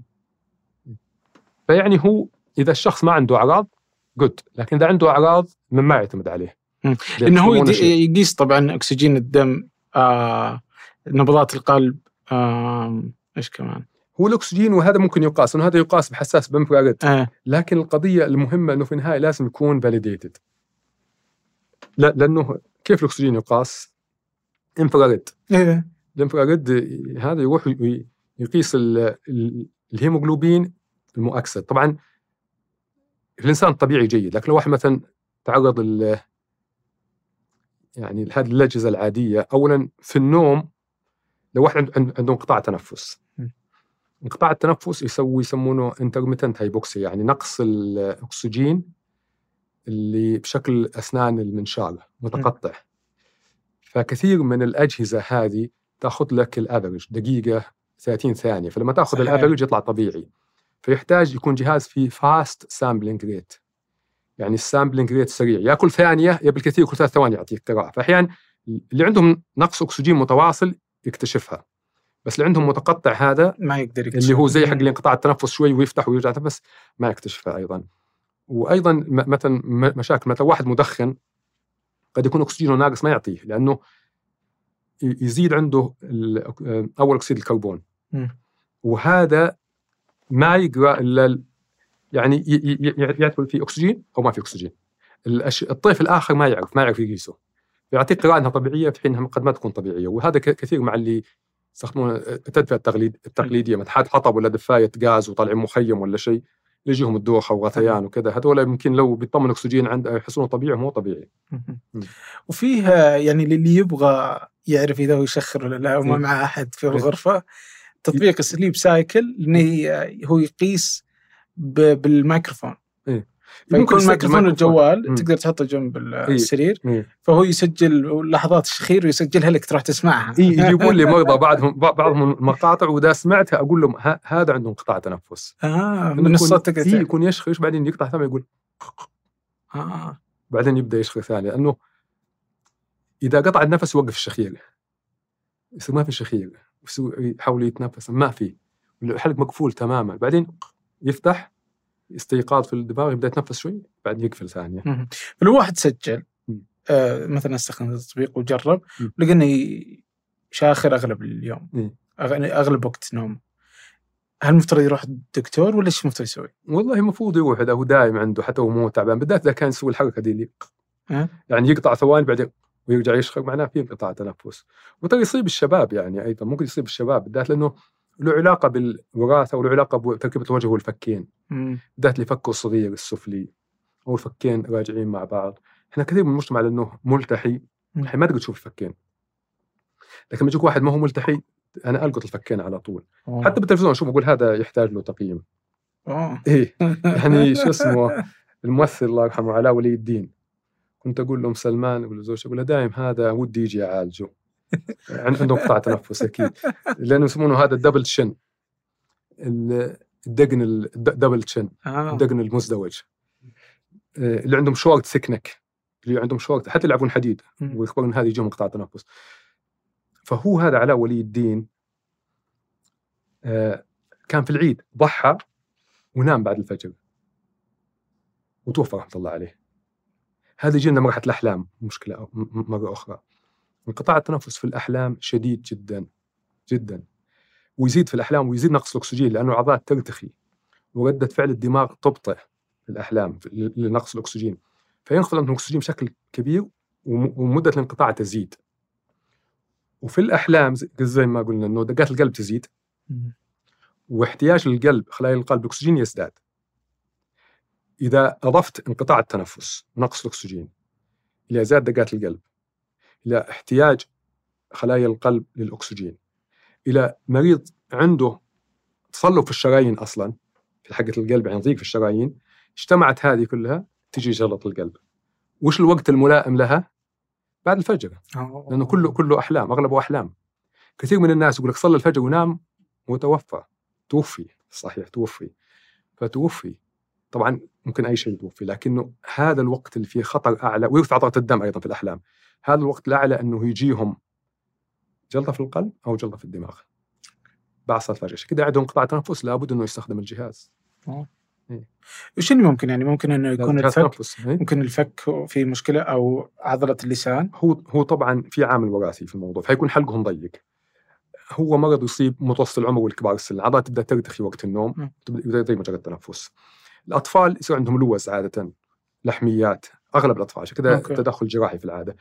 الكبار أغلب الأحيان يكون حلق الحلق ضيق خلقته ضيق مع زيادة الوزن 60% منهم عندهم زياده وزن أو يكون الفك السفلي صغير والفك العلوي السفلي صغار غير هذه ما في إي يعني هي عادة يكون نادر في الكبار نحصل لوز أحيانا آه. بس أغلب اللوز في الكبار لكن كل مثلا يجيك 50 صار- 60 مريض حصل واحد عنده لوز وكبار تقول شلون صار عمرك 50 وهاللوز دي الكبيرة ما حد انتبه لها وشالها من اول إيه. بالضبط آه. طيب. يعطيكم العافية جزاكم الله خير نومك تمام يعاني من أرق. واضح إن اليوم تغريداته كلها عن الأرق. لا واضح يعطيكم إن- العافية. ان ان ان اليوم بخلي المايك شغال. إيه نشوف إذا في إذا قد يكون فكينك صغار فك العلوي والسفلي عندك صغار قد يكون فيه ترى أنا استوني أستوعب لما كنت أتكلم دكتور إن أبوي عنده هذا. لما يشخر تحصل ذي الانقطاعات يقطع النفس معنا. يقطع النفس. وعندك الفكين صغار الفك العلوي والسفلي صغار صغير. اي صغير بالضبط. لأنه وش المشكلة؟ هي اللسان عضلة ضخمة. جالسة بالكرسي هذا بالفك. أوه. فلما يرجع الفك وش اللي وراه؟ وراه جدار جدار الحلق. زي أنت لو هنا جالس ورجعت الكرسي ضاق ال- هذه المساحه تضيق المساحة تضيق المساحة تقفل أحيانا. قلت حشني واحد وأنا صغير قلت في فمك صغير. خاطري